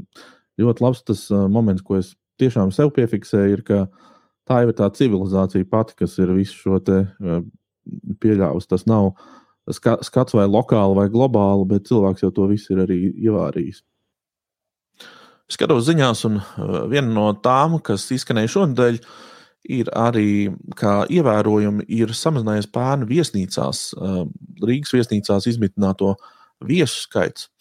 Tajā pašā laikā es, piemēram, internetā nevaru atrast nevienu tādu sakarīgu um, naktsmītni ārpus Rīgas, kas jau nebūtu rezervēta līdz gada beigām. Tātad kaut kas ir noticis. Kādreiz, ja Rīga bija pilna un lauka bija tukša, tagad viss ir apgriezies otrādi. Uh, un turisms laukos plaukst un zeļ. Savukārt Rīga, ja mēs tā pastaigājam, arī vecrīga ir diezgan tukša. Nu, redzēsim, tā uzspīdēs saule, parādīsies pavasara pirmās vēsmas. Varbūt Air Baltica mums atvedīs, um, atvedīs arī turistus no citām valstīm, kas pastaigāsies pa Rīgu. Air Baltica šefs Mārtiņš Gauss pagājušajā raidījumā pauda cerību, ka ceļošana atgriezīsies plānotajā apjomā un cilvēki laikus rezervēs biļetes saviem ceļojumiem. Uh, Tāpat šonadēļ tika paziņots, ka ar Martu Air Baltica mūs vizinās uz Batumi, Grūzijā. Tātad jauns maršruts atvērts. Kāda izskatīsies šī sezona? Um, vai pa Rīgu patiešām staigās ārvalstu turisti? Tas ir tas, kas man interesē. Vai viņi pirks mūsu preces, lietos mūsu pakalpojumus un varbūt arī brauks ārpus um, Rīgas robežām. Par to sarunu ar Travel News LV vadītāju Aivaru Matskeviču. Man prieks, Aivar, ka tu esi ieradies pie mums uh, uz uh, podkāstu mediāna. Es saprotu, ka tāda turisma joma un nozare joprojām ir tava, tava kaislība un tavs darbs, vai ne? Pareizi taču. No jā, jau vairāk kā 20 gadus. Principā var teikt, ja rēķina geogrāfa lietas, tad visas 30. jā. Saka, lūdzu, kā tu īstenībā raksturotu tādu turismu nozares šobrīd to veselības stāvokli pirms, um, pirms sezonas sākuma. Jo nu, kā pavasaris, vasara parasti ir tas plaukuma laiks, tad, uh, tad kāda šo, kādā šobrīd stāvoklī ir turisma uh, industrija? Nu, principā ir uh, tāds uh, diezgan liels hauss. Tāpat kā sociālā nevienlīdzība, tāpat arī turismā uh, tā pati parādība ir sastopama. Mēs redzam, ka Latvijas lauku teritorijas, tātad tur, kur atrodas naktsmītnes vai arī cita veida turisma piedāvājumi, tie attīstās ļoti labi. Tepat nesen tikko Kuldīgā atvērta četru zvaigžņu viesnīca, un ja šādas te kvalitatīvas naktsmītnes un piedāvājumi atvēras reģionos, protams, re, reģionos tas ir ļoti, ļoti labi, bet atkal tā bēdu iela ir Rīga, kur principā arī lielākais turisma bizness arī koncentrējās līdz pandēmijai. Tad šobrīd nu, mēs redzam, ka gandrīz vai katru dienu ir paziņojumi no turisma, jo mēs esam, mēs sevišķi Rīga, ir ļoti tādā ciešā konkurencē ar saviem kaimiņiem, ar Lietuvu un ar Igauniju. Un tikko kaut kādi valdības noteikumi mainās šajās valstīs, un, un, un tad uzreiz redzams, ka arī mūsu pašu iedzīvotāji labprātāk dodas uz kaimiņu valstīm, Un, un patiesībā tā naudiņa, kas citreiz ir iedota dažādos pabalstos vai vēl kaut kādā veidā, vai atbalstot šo Latvijas tautsēmniecību, tad viņa aizplūst ne tur, kur mēs gribētu, viņa aizplūst uz kaimiņu valstīm. Un tas ir lielākā sāpe, kas šobrīd turisma nozare ir. Un, un arī no plānošanas viedokļa turisms nevar startēt nu, tā, teiksim, ar vienu startu šāvienu, Eh, tur vismaz nu, agrākajos laikos plānoja gadu uz priekšu. Visi eh, notikumi, dažādi nu, karnevāli, vai arī teātris izrādes vai operas, viss jau bija zināms gadu iepriekš. Līdz ar to varēja vienmēr eh, kārtīgi saplānot. Tad šobrīd šī plānošana ir citreiz nedēļas, tikai dažas uz priekšu. Un tas apgrūtina, tāpēc turismu uzņēmēji grib ātrāk, lai veiktos šī te, uh, visa ierobežošanas politika, vismaz viņa būtu līdzvērtīga, kā tas ir Igaunijā un Lietuvā. Un, un vienkārši, lai turismu uzņēmumi var plānot, lai var aizpildīt uh, ar Baltiku reisus un, uh, un vest uz šejieni turistus. Jā.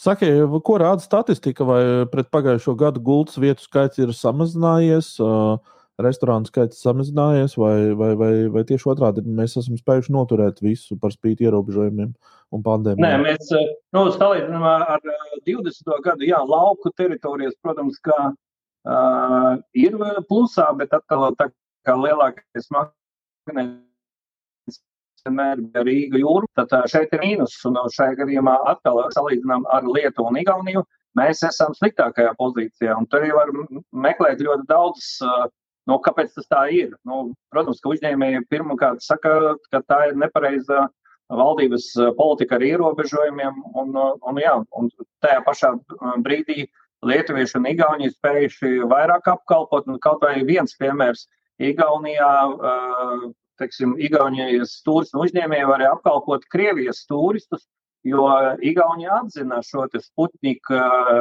vakcināciju. Pie mums Latvijā neatzina. Līdz ar to no Sanktpēterburgas un no, no citām Krievijas pusēm brauca un atpūtās Tallinā. Viņiem bija ļoti labi Ziemassvētki, ļoti daudzi restorāni un viesnīcas teica, ka viņiem šis decembris bija labāks nekā 2019. gadā, kur atkal mums Rīga bija tukša un mēs, ja doma laukumā, varēja, nu, labi, ja satikt pāris cilvēkus. Nu, jā, nu, tas ir nu, tāds šajā krīzes momentā tieši, ja mēs paskatāmies uz to sadarbību, uz privātais kapitāls un valsts publiskais, un viss tā pārvaldība, nu, viņa nav sazobē. Katrs dara, kā ir, un tad līdz ar to uzņēmēji īsti neusticas un dara savas lietas, un, bet ir svarīgi, lai tā tautsēmniecība tomēr ir uh, vienā virzienā, un ja mēs arī paskatāmies kaut vai šodien dienas uh, paziņojums, uh, ka turisma nozare jau divu gadu laikā nereizi nav satikusies ar ministru uh, prezidentu. Un tas nav normāli, kur Austrijā un arī citās eh, Eiropas valstīs eh, ministru prezidenti, ministri ikdienas, nu labi, pārspīlīgi dienas, bet visu laiku ir komunikācija, atbalsta, uzmudrina. Tad šeit no ministra prezidenta mēs vairāk dzirdam citreizi, lai mēs mainot citu darba vietu. Un tur jau ir redzams, ka ļoti daudzi latviešu šefpavāri šobrīd ir aizbraukuši uz Spāniju, aizbraukuši uz Norvēģiju. Viņi strādā tur. Un Un visi tiem jauniem, kam patīk šis darbs, nu, viņi izceļo, un tas ir sāpe. Jo pēc šī visa, kad sāksies vasarā atkal biznesa, tad uzņēmējiem būs problēma, kā dabūt darba spēku.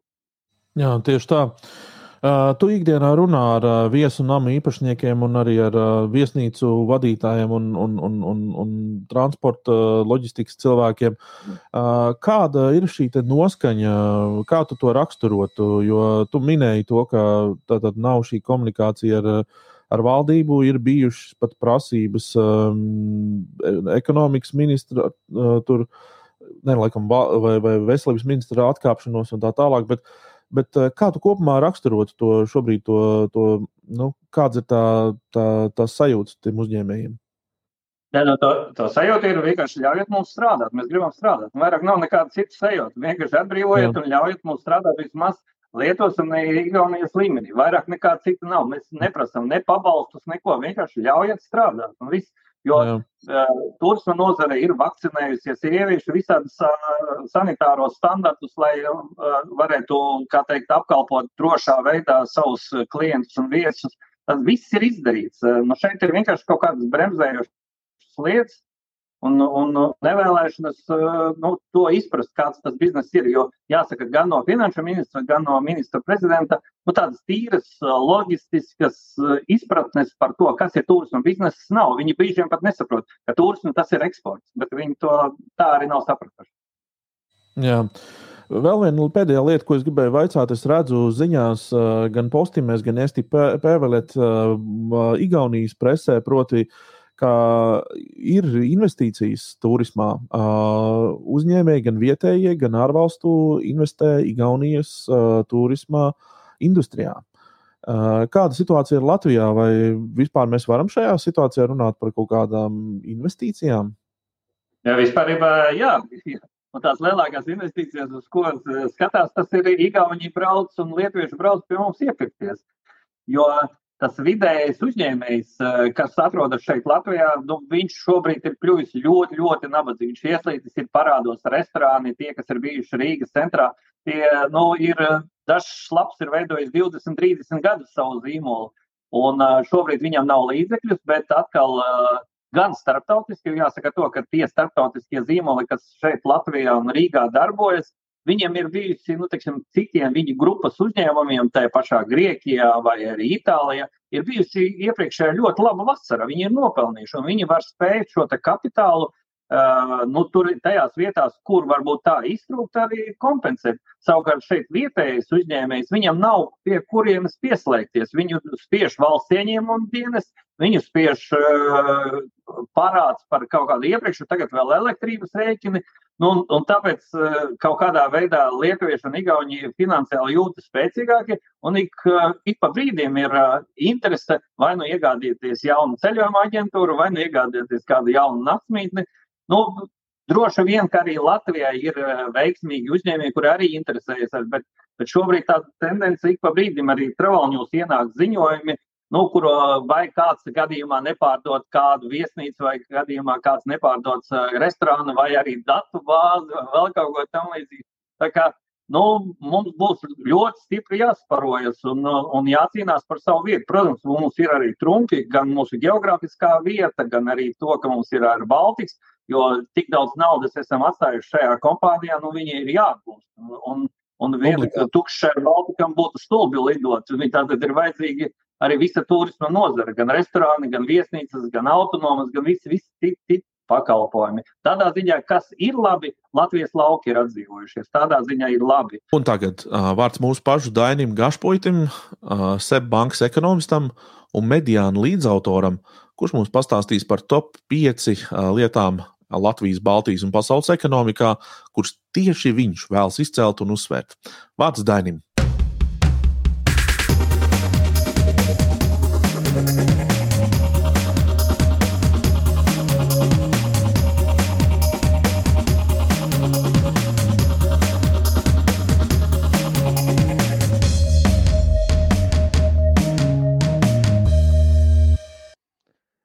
Tā tad esiet sveicināti skatītāji un uh, sākam mūsu top notikumus ekonomikā. Un kā pirmo lietu mēs izceļam akciju tirgu viļņošanos. Un ASV akcijas turpināja kristies trešo dienu pēc kārtas, pēc svārstīgas tirzniecības dienas Eiropā. Un kopumā mēs redzam, ka pirmdienu slēgšanas dienā SP 500 bija noslēdzies ar mīnus 0,4%, Nasdaq lielākoties nemainījās.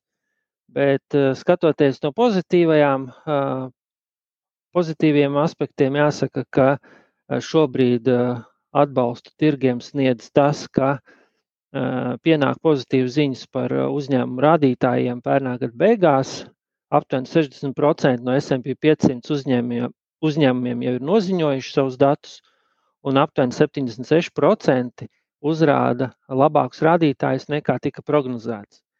Nu, kas arī nedaudz piemet tādu um, aspektu turpmāk skatoties, ka uh, uh, tirgi varētu saglabāt diezgan lielu viļņošanos, ir, ka uh, peļņas aplēses pirmajam ceturksnim uzrāda jau nedaudz vājākus rādītājus. Ja? Uh, gaidas ir vājāks, un tas ir pirmais samazinājums kopš 20. gada otrā ceturkšņa.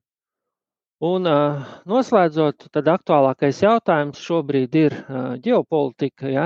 Kas notiks, ja īstenosies sliktākais scenārijs un Krievija uzsāk kara darbību Ukrainā, un kā tas ietekmēs ekonomiku, ekonomikas izaugsmi arī pasaulē, un jo īpaši centrālo banku monetāro politiku attiecībā uz viņu cīņu pret augsto inflāciju. Otro punktu mēs izceļam, ASV inflācija ir sasniegusi augstāko līmeni 40 gados. Janvārī 7,5% tika sasniegti, un šobrīd nu, tas apgrūtina to skatījumu attiecībā uz ASV ekonomiku, jo tas noteikti ietekmē amerikāņu mājsaimniecību pirktspēju, un hipotekāro kredītu likmes pieaug. Un rezultātā patērētāju uzticība, ja pārliecība ir noslīdējusi līdz zemākajam līmenim pēdējo desmit gadu laikā. Nu, tas ir tāds gada sākums, par ko jau mēs runājam, ka šobrīd ir tāds diezgan tāds padrums noskaņojums, bet uz šī konteksta mēs atkal gribam izcelt nu, tādas četras pozitīvas lietas, ja, ka šajā kontekstā, neskatoties uz augsto inflāciju, mājsaimniecības joprojām uzskata, ka inflācijas pieaugums ir īslaicīgs, Tas nedaudz varētu pieturēt šo inflācijas nu, teiksim, tādu uh, ilglaicīgumu, noturīgumu.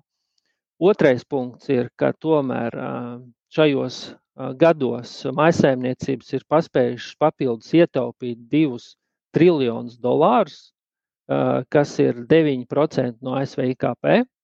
Nu, tas ir tāds labs uh, buferis tam, lai pārdzīvotu šo inflāciju un attiecīgi arī uh, pastiprinātu ekonomisku aktivitāti, aktīvāk tērējot, līdz ko šie nosacījumi būs labvēlīgi. Trešais punkts. Tad šajos divos gados praktiski visi 334 miljoni amerikāņi ir vidēji kļuvuši par 85,350 dolāriem bagātāki. Tā labklājība ir pieaugusi. Bet, nu, protams, arī ar nelielu atsauci, ka tas, protams, ir vidēji, un, protams, šī ne, nevienlīdzība ir aktuāla arī šajā valstī. Un ceturtā lieta ir, ka Startautiskā valūtas fonda pētījums apstiprina, ka ilgtermiņa spēkus nospiež procentu likmes, respektīvi, ka procent, zem procentu likmju vide, vides apstākļi saglabāsies, tiek vērtēts līdz pat 2030. gadam. Trešo punktu izceltu šajā konte inflācijas kontekstā Eiropas centrālās bankas Lagardas izteikums tiekoties ar Eiropas parlamenta deputātiem, un viņa sacīja, ka pagaidām ECB nogaidīs arī līdz inflācijas datiem, kas būs martā, pienāks pirms pieņems lēmumu par procentu likmju paaugstināšanu. Jo joprojām ECB uzskata, ka inflācijas kāpumam drīzumā vajadzētu mazināties, un ka Eirozona neuzrāda tādas pašas pārkaršanas pazīmes kā citas lielās ekonomikas. Un ka turpmākā korekcija monetārajā politikā būs balstīta uz datiem, pakāpeniska, un arī norādīja, ka mm, šī inflācija, inflācijā neparādās pagaidām šie otrreizējie efekti. Nu, es teiktu, ka pagaidām šis noskaņojums ir gana piesardzīgs, jo mēs redzam, ka padomē ir diezgan atšķirīgi šie skatījumi. Un, attiecīgi, tomēr šī korekcija politikā varētu īstenoties. Un, tādēļ mēs sagaidām, ka ECB jau šā gada decembrī paaugstinās uh, procentu likmi par 25 bāzes punktiem, kam sekos divu likmju paaugstinājumi jau nākamgad, martā un septembrī. Nu, kā ceturto punktu izceltu tomēr nu, tādu, tādus apstākļus, ko varbūt kas nav īsti patīkami redzēt attiecībā jau ar, ska, saistībā ar skarto inflāciju, un respektīvi numur 4 enerģijas cenas atkal pieaug, un ne tikai. Dabasgāzes cenas pieaug par 4, 14% līdz 88 eiro par megavatu. Šogad nu, teiksim, gāzes cenas ir pieaugušas par 15%. Uh, nu, kas ir viens no faktoriem, ka Krievija manipulē ar gāzes plūsmām uz Eiropu, caur Ukrajinu, Baltkrieviju un uh, gāzes vadu uh, Ziemeļstraume viens. Un mēs redzam un pamanījām jau arī, ka naftas sasniedz jaunu līmeni, kas ir augstākais kopš 2014. gada. respektīvi 96 dolārus par barelu. Pēc tam gan nedaudz nokritās līdz 94, bet nu, tomēr šogad tā ir jau pieaugusi par vairāk nekā 20%. Un papildus tam uh, pienāk ziņas, ka pasaules ekonomikai svarīgāko preču krājumi ir uh, vēsturiski zemākajā līmenī. Jo no vienas puses ir vērojams ļoti spēcīgs pieprasījums, bet no otras puses piedāvājuma puse ir joprojām ļoti spēcīgs deficīts, ja, kas noplicina šos krājumus. Un, attiecīgi, veidojas joprojām diezgan spēcīgs šo izēvielu cenu spiediens. Sākot no rūpnieciskiem metāliem līdz enerģētikai un beidzot ar lauksaimniecību, kur mēs redzam, ka lauksaimnieki ir satraukšies par augstajām minerālu mēslojumu, augstajām minerālu mēslojumu cenām.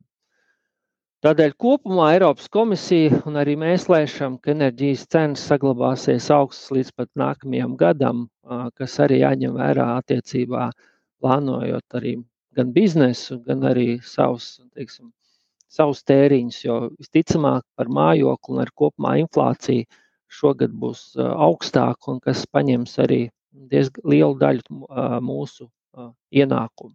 Un piekto es liktu Latvijas ziņu, ka janvāri inflāciju inflācija samazinājās no 7,9%, kas bija vērojama decembrī, līdz 7,4%, eh, kur, pamā, kur pamatā bija valdības veiktie atbalsta pasākumi, kādēļ inflācijas eh, kāpums apstājās un eh, skatoties mēneša izteiksmē, cenu līmenis palika nemainīgs. Nu, kopumā mēs varētu teikt, ka šobrīd joprojām ir šīs li trīs lielās grupas, kas virza inflāciju mājoklis, pārtika un transports. Um, pakalpojumos cenu pieaugums uh, joprojām ir tāds salīdzinoši viduvējs, neliels, bet tas varētu pātrināties līdz ar ierobežojumu atbrīvošanu, ja, kad tur arī izpaudīsies enerģijas, algu un citu izmaksu kāpumu ietekmi. Ja, līdz ko uzņēmēji atvērs un, un vērtēs, kā tad var darboties, ja, uh, tad, tad mēs redzēsim to reālo cenu, jo daudzēt vienkārši nu, tā cena neuzrādās, jo vienkārši atpūtas, izklaides vietas vienkārši šobrīd ir slēgtas. Līdz ar to nu, arī šie otrreizēji efekti varētu parādīties uz gada vidu. Tomēr mēs redzam, ka šis izmaksu spiediens ir ļoti spēcīgs. Un arī uz gada otro pusi, kad šie atbalsta pasākumi noslēgsies, mēs redzam, ka tas arī varētu ietekmēt inflācijas tādu pātrināšanos, nedaudz ied, nobremzēt to, to tendenci, ko mēs sagaidītu, ka gada otrajā pusē tomēr būtu jānotiek normalizācijai. Tādēļ kopumā Latvijas šī inflācijas prognoze tiek sagaidīta 6,5% apmērā, bet vērosim, kas notiek attiecībā ar enerģijas cenām, un pārtikas cenām.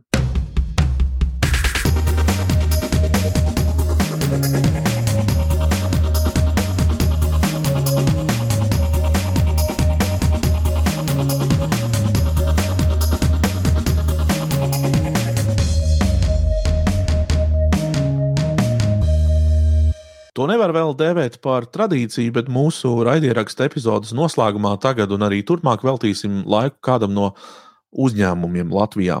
Mēs apzināti sākam ar tādiem lieliem uh, uzņēmumiem, tādiem, kas atstāja lielu ietekmi arī uz Latvijas ekonomiku. Uh, pagājušajā nedēļā tas bija Air Baltica uh, un Mārtiņš Gauss. Uh, paldies arī par skatījumiem un atsauksmēm, par dalīšanos uh, ar šo, um, šo epizodu un, un, un sarunas fragmentu. Šonadēļ um, uzmanības fokusā ir Latvijas Energo. Uh, Tas ir vērtīgākais uzņēmums, kas minēts top 101. Tā vērtība ir pārsniegusi 2 miljardus, kas ir Latvijā pirmoreiz tāds gadījums. Um, uzņēmums pieder valstī. Uh, viņam tātad ir pārpadome, kas pārvalda un ievēl valdi. Un, starp citu, jā, um, valde nu pat, kā saka, svaigi nomainījusies, papildi, papildinājusies ar, ar, ar, ar jauniem jauniem cilvēkiem. Un ar vienu no tās locekļiem viņš gan ir strādājis valdē arī agrāk. Jūs iepazināt viņu jau mazliet mūsu raidierakstā, kad runa bija par ilgspēju. Tas ir šīs kompānijas finanšu direktors Gunārs Baļķūns. Tad man ir ļoti liels prieks studijā sveikt Gunāru Baļķūnu. Sveicināts, Gunār! Sveiciens visiem! Jā, kāds, kāds noskaņojums 22. gada jau februāra vidū ir uzņēmumam Latvijas Energo kopumā? Noskaņojums ir ļoti darbīgs. Mēs, mēs esam aktīvi ķērušies klāt nu, tiem, tām pamata mērķiem, kas mums šim gadam ir nodefinēti. Un, un, un komanda tā, tādu ar lielu enerģiju tiešām ir ķērusies klāt šī gada prioritātei. Mhm, Prieks dzirdēt. Saki, vai nu, tā kā darbojas finanšu jomā, vai viss, kas ir iecerēts 21. gadā, visi tie mērķi ir sasniegti. Jūs, nu, vismaz es zinu, ka, ja skatās no top 101, jūs esat kārtējo reizi vērtīgākais uzņēmums Latvijā ar tādu labu, skaistu atrāvienu, ja pārkāpuši pāri 2 miljardu slieksnim. Es nezinu, cik jūs paši vērtējat to, to skaitli, kā, kā, kā vērā ņemamu. Uh, Uh, bet, uh, jā, kopumā kāds ir bijis pagājušais gads? Jā, te man laikam uzreiz ir, ir jāizstāsta, ka, tādas ļoti detalizēta informācija dotajā brīdī nevar sniegt. Mēs, mēs esam kotēts uzņēmums, mums ir emitētas obligācijas. Un, un, un šī praksa nozīmē to, ka mēs publiskojam finanšu rezultātus investoriem vienlaicīgi, un tad arī stāstam par tiem rezultātiem, kādi mums ir attiecīgajā gadā. Uh, Tā kā, tā kā to mēs izdarīsim 28. februārī, un pēc 28. februāra tad varēšu viennozīmīgi detalizētāk pastāstīt. Tad, tad tas, ko droši vien nu, visi ir pamanījuši, un, un, un tur jau nav, nav noslēpums, pagājušais gads ir bijis visnotaļ nu, tāds specifisks un, un sarežģīts gads. Un, Un pagājušais gads vienkārši pierādīja, cik ļoti, ļoti mēs esam saistīti ar globāliem procesiem pasaulē. Un kad nu, tie globālie procesi ietekmē tiešā veidā, ietekmē arī to ikdienu, kas ir Latvijā, Baltijā, un arī ietekmē energoresursu cenas. Tā kā, tā kā nu, jā, nu, sarežģīts gads viennozīmīgi. Jā. Jā. Daudzi eh, arī eksperti to starp ir teikuši, ka mēs pagājušajā gadā pirmo reizi vispār mm, piedzīvojām, ko nozīmē šī nu, tirgus liberalizācija, brīvlaišana. Nu, kad, kad mēs beidzot tās pirmās sekas, tādas īstās redzējām, vai tu tam varētu piekrist? Es, es, es teiktu, varbūt viena lieta mēs bijām nedaudz izoltināti, un, un varbūt tās strateģiskās izvēles, kas, ko valsts sanāk, nu, ir izdarījusi, veicot nu, šo izbūvējušos starpsavienojumus ar, ar kaimiņu valstīm. Ar, ar Skandināviju pēc būtības mums ir nodrošinājusi jā, samērā ilgu periodu, kad energoresursu cenas tiešām bija zemas un, un, un, un ļoti stabilas. Uh, Un, un pagājušais gads nu, vienkārši iezīmēja kaut kādu jaunu fenomenālu situāciju, kad, kad, kad tie energoresursi, uz kuriem mēs ilg, ilg, ilg, ilgstoši bijām paļāvušies, viņi vienkārši cenu ziņā gāja augšā nu, vairāk kārtīgi, respektīvi gan gāzes cenas, gan ogļu cenas ir, ir, ir, ir pieauguši vairāk kārtīgi, un tas, tas, tas tomēr arī gal galā ietekmē katru no mums. Un, Un, uh, es, es jau teiktu, ka tirgu, tirgus ir tirgus, un tirgus principi ir vislabākie, kas nodrošina nu, objektīvu cenu. Un, diemžēl šī objektīvā cena šobrīd ir, ir, ir samērā augsta, taču, taču tas iedod arī pareizos motiv, motivāciju ikvienam uzņēmumam arī uh, reaģēt uz šo situāciju. Un, un, uh, Mums, kā, kā uzņēmuma vadītājiem, pirmā lieta ir nevis e, kausties par pagātni, bet tieši domāt, kas ir tās lietas, ko jādara uz priekšu, un, un kā no šādām situācijām varbūt mācīties un arī, arī atrast pareizos e, lēmumus nākotnē. Tā kā tā, tā, tā, tā, tā kā nu, noteikti mēs no šīs situācijas arī esam par daudzām jaunām lietām aizdomājušies. Jā. Vai tu piekristu tam apgalvojumam, te es droši vien vilkšu joprojām te mazliet pagātnē, ka politiski ne tikai Latvija, bet Baltijas valsts kopumā ir palaidušas garām labu iespēju tieši meklēt jaunus resursus, jaunus jā, energoražošanas resursus? Es, es, es, jā, es, es, es teiktu vienu lietu. Mēs, mēs pēc būtības ilgstoši esam redzējuši, ka nu, vēja enerģētika, ja mēs runājam par vēja enerģētiku, ir bijusi subsidēta. Un, un, un tā ir, ir, ir pieeja, kura bijusi daudz vietu, daudzās valstīs ir bijuši tieši ļoti aktīvi subsīdijas, subsīdijas mehānismi, lai šādi vēja parki rastos. Un, ja pabraucam par, par, par Eiropas valstīm, tad īstenībā nu, katrā vietā var redzēt, ka šie vēja parki ir izbūvēti. Un jāatzīst, ka šie lēmumi ir izdarīti balstoties uz atbalsta mehānismiem šajās valstīs. Un atbalsta mehānismu nekas, nekas labs nav, jo pēc būtības kādam jau par to beig, beigās ir jāsamaksā. Tas, kas ir noticis, un tā tendence ir, ir iezīmējusies samērā nesen, kādu gadu, divus atpakaļ, ka e, industrija vai vēja enerģētika pat par sevi ir kļuvusi konkurētspējīga. Respektīvi, šīs te tehnoloģijas ir kļuvušas jaudīgākas, efektīvākas un, un, un no investīciju viedokļa tādas, kurām nav vajadzīgs nu, valsts atbalsts. Un te, manuprāt, varbūt tas, ka mēs varbūt neesam subsidējuši un neesam izmantojuši šo vēja potenciālu pagātnē, tā īstenībā dotajā brīdī ir liela priekšrocība.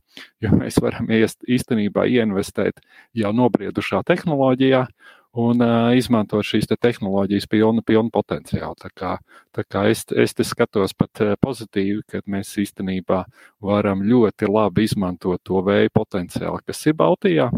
Un tas vēja potenciāls ir, ir pēc būtības tiem parkiem, kuri nu, ir, ir, ir, ir, ir, ir, ir šobrīd piemēroti jauno vēja tehnoloģiju uh, risinājumiem. Nu, Tātad tie ir, ir, ir 6 megavatīgi vēja turbīnas, 8 megavatīgi vēja turbīnas. Tā kā tāds diezgan tiešām moderns, jaudīgs un, un spēcīgs. Jā. Kas vispār šobrīd notiek ar šiem potenciāliem vēja parkiem? Jo es pasakoju līdzi Gaunijas ziņām, un tur valdības pārstāvis saka, mēs esam gatavi atvēzēties uz apmēram tūkstošu turbīnām. Esti enerģija ir palīdzējusi būvēt arī Somijam vēju parkus paši par sevi tā īsti, varbūt vēl nepadomājot. Un arī lietuvieši kaut ko šajā, šajā jomā domā darīt. Tieši, ja runa ir par Baltijas jūru, par uh, to saucamo, tas laikam saucas offshore, ja, tā kā tā vēja parks. Es um, zinu, ka arī Eiropas lielie spēlētāji ir sarosījušies, un viņiem ir interesanta Baltijas jūra.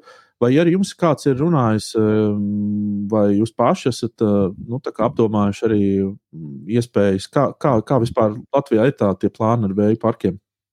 Jā, nu es, es varbūt izstāstīšu tas, ko, tas, ko mēs esam izdarījuši. Mēs pēc būtības nu, pagājušajā gadā tā, tā diezgan, diezgan detalizēti gājām cauri stratēģijas izstrādes procesam un, un, un, un mēģinājām saprast, kas, kas tad ir tie mūsu ilgtermiņa mērķi vai kas ir tās mūsu prioritātes. Un, Un tajā procesā mēs e, iezīmējām nu, tādas vairākas lietas. Mēs vienu lietu, ko, ko, ko, kas, kas ir skaidrs un zināms, Baltijā trūkst ģenerācijas jaudas.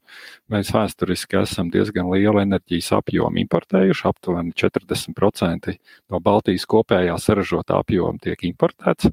Labāka situācija ir Latvijā, un, un Latvijā, protams, mēs esam ar, ar, ar diezgan labu izstrādes apjomu pret patēriņu. Mums ir teci, mums ir, ir arī hidroelektrostacijas, kuras ir fundaments, lai, lai šī ģenerācija šeit ir uz vietas.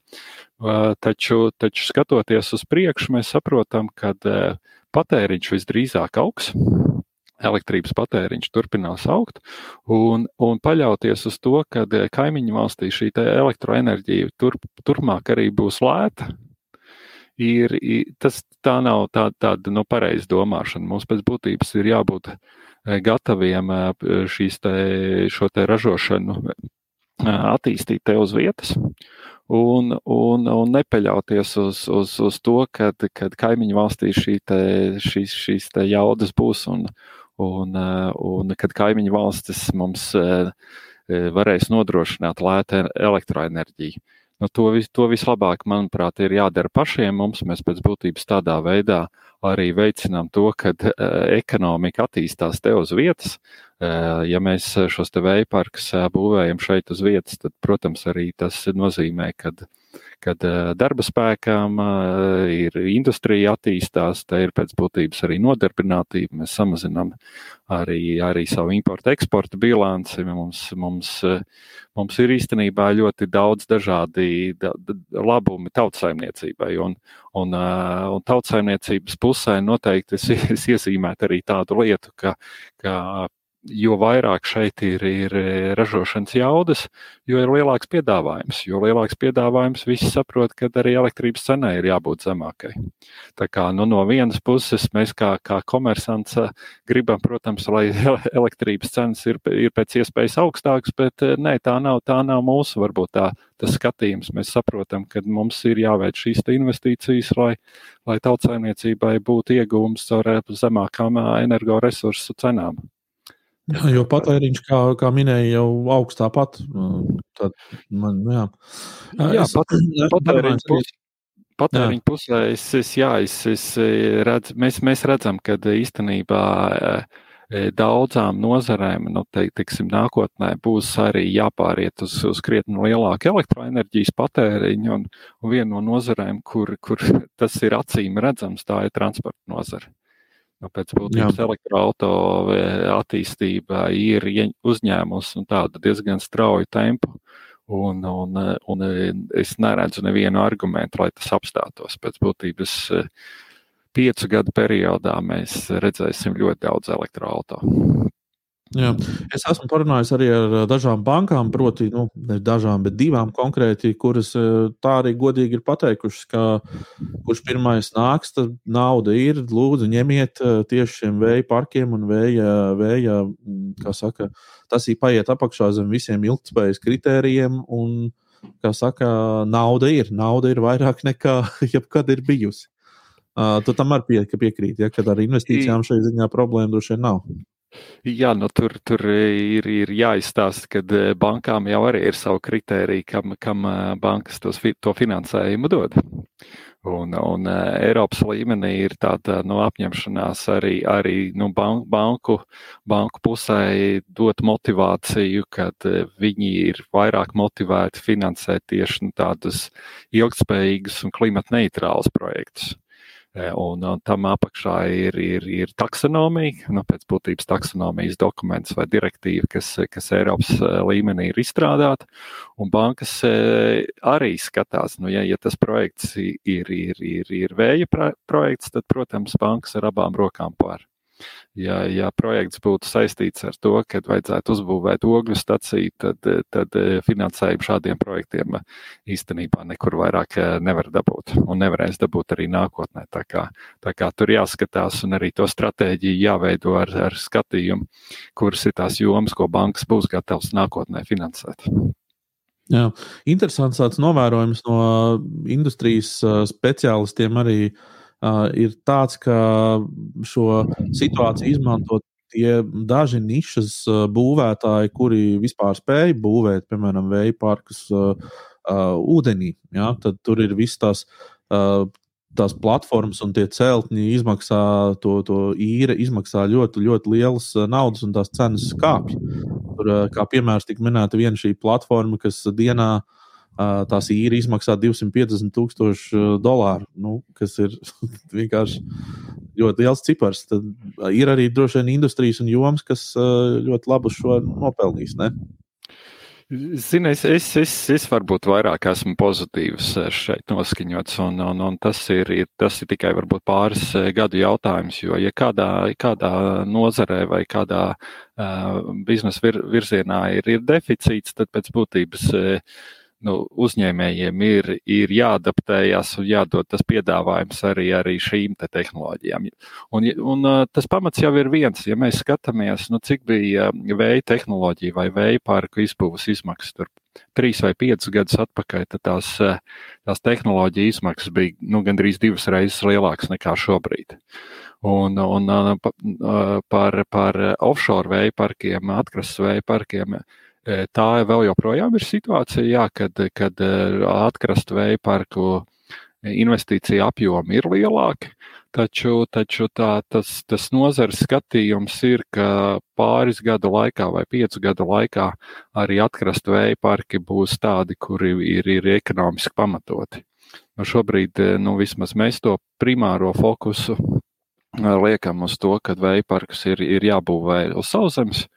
Savukārt, paralēli ir jāstrādā uz, uz iespējām, lai arī pēc trim gadiem mēs varētu izbūvēt atkrastes vēja parkus. Un, un atkrastu vēja parka sagatavošanas process ir, ir, ir ilgstošs. Nu, tur ir jāsāk strādāt jau šobrīd, un to mēs īstenībā arī darām. E, un, un, un, un tas sagatavošanās process ir, ir, ir, ir, ir jāiziet, un, un tajā brīdī arī tās tehnoloģijas būs vēl nobriedušākas, un tās investīcijas būs vēl saprātīgākas. Mm -hmm. Ļoti, ļoti labi. Jā. Novēlu, lai izdodas.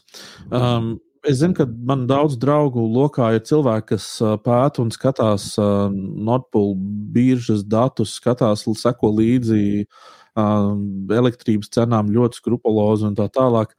Uh, vai, piemēram, skatoties nu, tādu pēdējo kaut kādu, nu, paņemsim, ceturksni vai kā, katram, katram kāpumam un kritumam tev pretī ir nu, skaidrojums, kāpēc, piemēram, tas, tas, ir, tas tā notiek vai, vai, vai nē. Jo, nu, kā, katru dienu kaut kas mainās, un tā, bet uh, mēs iekš, uh, teiksim, tā, nesot industrijā iekšā un nezinot, daudz ko varbūt arī nevaram izskaidrot. Bet vai jums industrijā iekšēji ir skaidrojumi katram biržas cenu kāpumam, kritumam?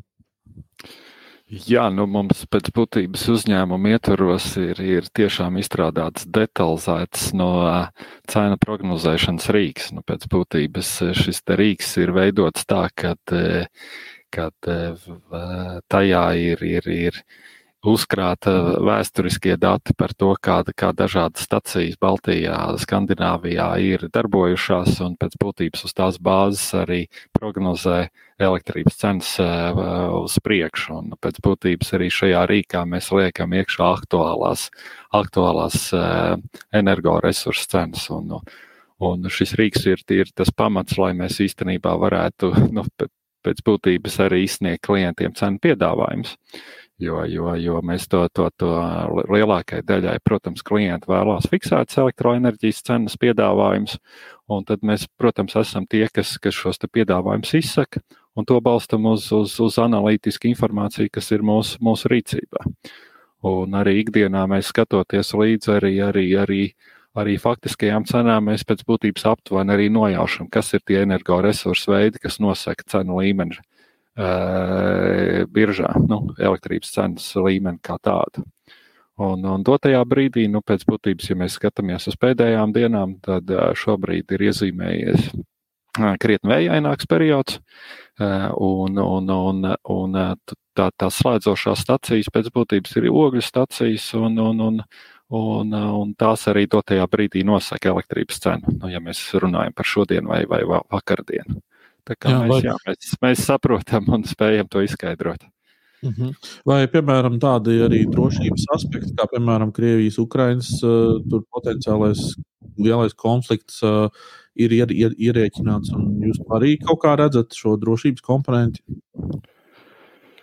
Jā, noteikti. Un, un, un tas, tas droši vien ir varbūt viens no tiem faktoriem, kas, kas ir noteicis samērā augstas cenas arī, arī nu, cenu kāpumu gāzei. Jā, nu, teiksim, viens no tiem faktoriem, kam, kam, kam tirgus dalībnieki seko līdzi, ir, kas notiks ar Nord Stream 2 certifikāciju, kad, kad kad parādīsies šī certifikācija, jo pēc būtības tirgus ekspektē, ka pēc Nord Stream 2 certifikācijas būs pieejama lielāks gāzes apjoms. Eiropai, un, un Eiropa attiecīgi varēs vienkāršāk arī šo gāzes, gāzes krātuves aizpildīt. Mums tā, tā, tā Eiropas situācija ir tāda, ka gāzes krātuves dotajā brīdī ir bijušas samērā neaizpildītas, un tas radīja tieši tirgus dalībniekiem tieši, tiešām bāžas par to, vai, vai pietiks gāze, vai apkurss sezonā pietiks gāze. Nu, tik vienkārši. Un, un apzinoties, ka gāze ir fundamentāli šobrīd Eiropā svarīgs energoresursu veids, tad visiem bija motivācija šo gāzes apjomu sakontraktēt un nopirkt. Un pēc būtības bija vajadzīgs arī, arī, arī šīs gāzes piegādes ceļus izveidot, lai krietni vairāk gāzi ieplūstu caur uh, sašķidrinātās gāzes, gāzes termināliem. Un, un, un šobrīd jā, tā kā, tā kā diezgan daudz piegādes arī Eiropā notiek uz, no, no, no caur sašķidrinātiem gāzes termināliem. Tas, tas tā kā dotajā brīdī ir, ir viens no tiem apstākļiem, kas gāzes cenu nedaudz sāk samazināt. Izbalansē, un, jā. No, izbalansē. Jā. Jā. Un, un, un, uh, jācer, jā, no, no manas puses viennozīmīgi, man jā, jācer, ka, ka, ka, ka šie politiskie aspekti mazināsies un, un, un, un šie, te, šie, šie, te, šie te, nu, riski par gāzes mm. nepieejamību samazināsies nākotnē. Jo, jo no tāds patērētājs visvairāk iegūs no nu, pēc būtības. Tas nozīmē patērētājiem zemāku. Cerēsim, cerēsim uz to labāko kā saka. Um, es arī visiem klausītājiem un skatītājiem aicinu iet Latvijas energo mājaslapā, un tur ir viena ļoti interesanta sadaļa, kuras agrāk nebija pamanījis, bet jums ir par um, elektrības cenām diezgan faktiski tāds detalizēts, labs apskats, kuru var uh, izlasīt tādā cilvēcīgā valodā, un tur ir kaut kāds video, kur, kur eksperts skaidro uh, kā saka, to cenu kā, kāpumu un, un, un, un kritumu, un faktiski vispār nu, izskaidrot tās, tās lietas. Tas ir kaut kāds jauns tāds elements, vai jūs ar to esat jau nodarbojušies kādu laiku? Mēs tādu Cenu skaidrošanu, es domāju, cenu, skaid, cenu skaidrošanu mēs, manuprāt, veicam jau tos gadus, un mums īstenībā ir ik mēneša apskats. Arī, Tad es neesmu pamanījis. Arī, arī klientiem, lielajiem juridiskiem klientiem, mēs no, sūtām arī savu tādu avīzīti vai aprakstu par to, kādas ir tendences un tā tālāk. Tas, tas ko mēs esam konstatējuši, kad reizi mēnesī šie apskati jau ir kļuvuši pārāk reti, un, un, un, un līdz ar to samērā nesen mēs ieviesām principu, kad, kad šādas apskates mēs e, video formātā gribam sagatavot reizi nedēļā tajā brīdī, kad elektrības cenas bija nu, tādas relatīvi stabilā līmenī, nu, protams, par, par, par šiem jautājumiem. Tieši tā. Nu, ta, un tagad eh, ar mums visi grib runāt, no visiem grib, eh, grib saprast šos procesus, un, un, un, un, un mēs viennozīmīgi esam ieinteresēti stāstīt šīs lietas. Un arī, arī organizējam nu, tādas tikšanās ar, ar, ar banku ekonomistiem un, un, un, un, Un, un eh, arī viņus mēģinām arī informēt un izstāstīt par to zinātību, kas ir mūsu rīcībā. Jo, jo ja mēs būsim visi labāk informēti, tad, protams, arī tie lēmumi būs, būs kat, katrā pusē eh, pārdomātāki un, un, un saprātīgāk pieņemti. Mēs te redzam arī savu lomu un noteikti to turpināsim. Es aicinu jūs visus rakstīt mediāna diena pēc.CLV ieteikt tematus un komentēt um, to, kas jau ir izskanējis ēterā. Uh, man, man tas palīdzēs tiešām veidot saturu precīzāk, labāk, izsvērtāk, balansētāk. Un, uh, es ļoti, ļoti vēlos dzirdēt tādus jūsu, jūsu viedokļus un jūsu redzējumus, kam būtu jāpievērš uzmanība. Um, jo, protams, ka nu, man ir tāds savs skatījums, bet uh, es labprāt, labprāt to paplašinātu ar jūsu palīdzību. Lūk, uh, Vēl viena ceturtdiena ir aizritējusi. Mēs gaidām nākamo nedēļu. Um, nākamajā nedēļā mēs runāsim par, uh, par nākotnes darba, uh, darba spēku. Kāds tas ir no darba ņēmēju, no darba devēju, no politikas veidotāju aspekta. Tātad, ja šonadēļ runājām par ilgspēju, nākamā nedēļa veltīsim uzmanību darba devējiem, darba ņēmējiem. Um, es saku jums lielu paldies par pacietību, lielu paldies par uh, interesi. Uh, Mēs tiekamies pēc nedēļas. Visu labu!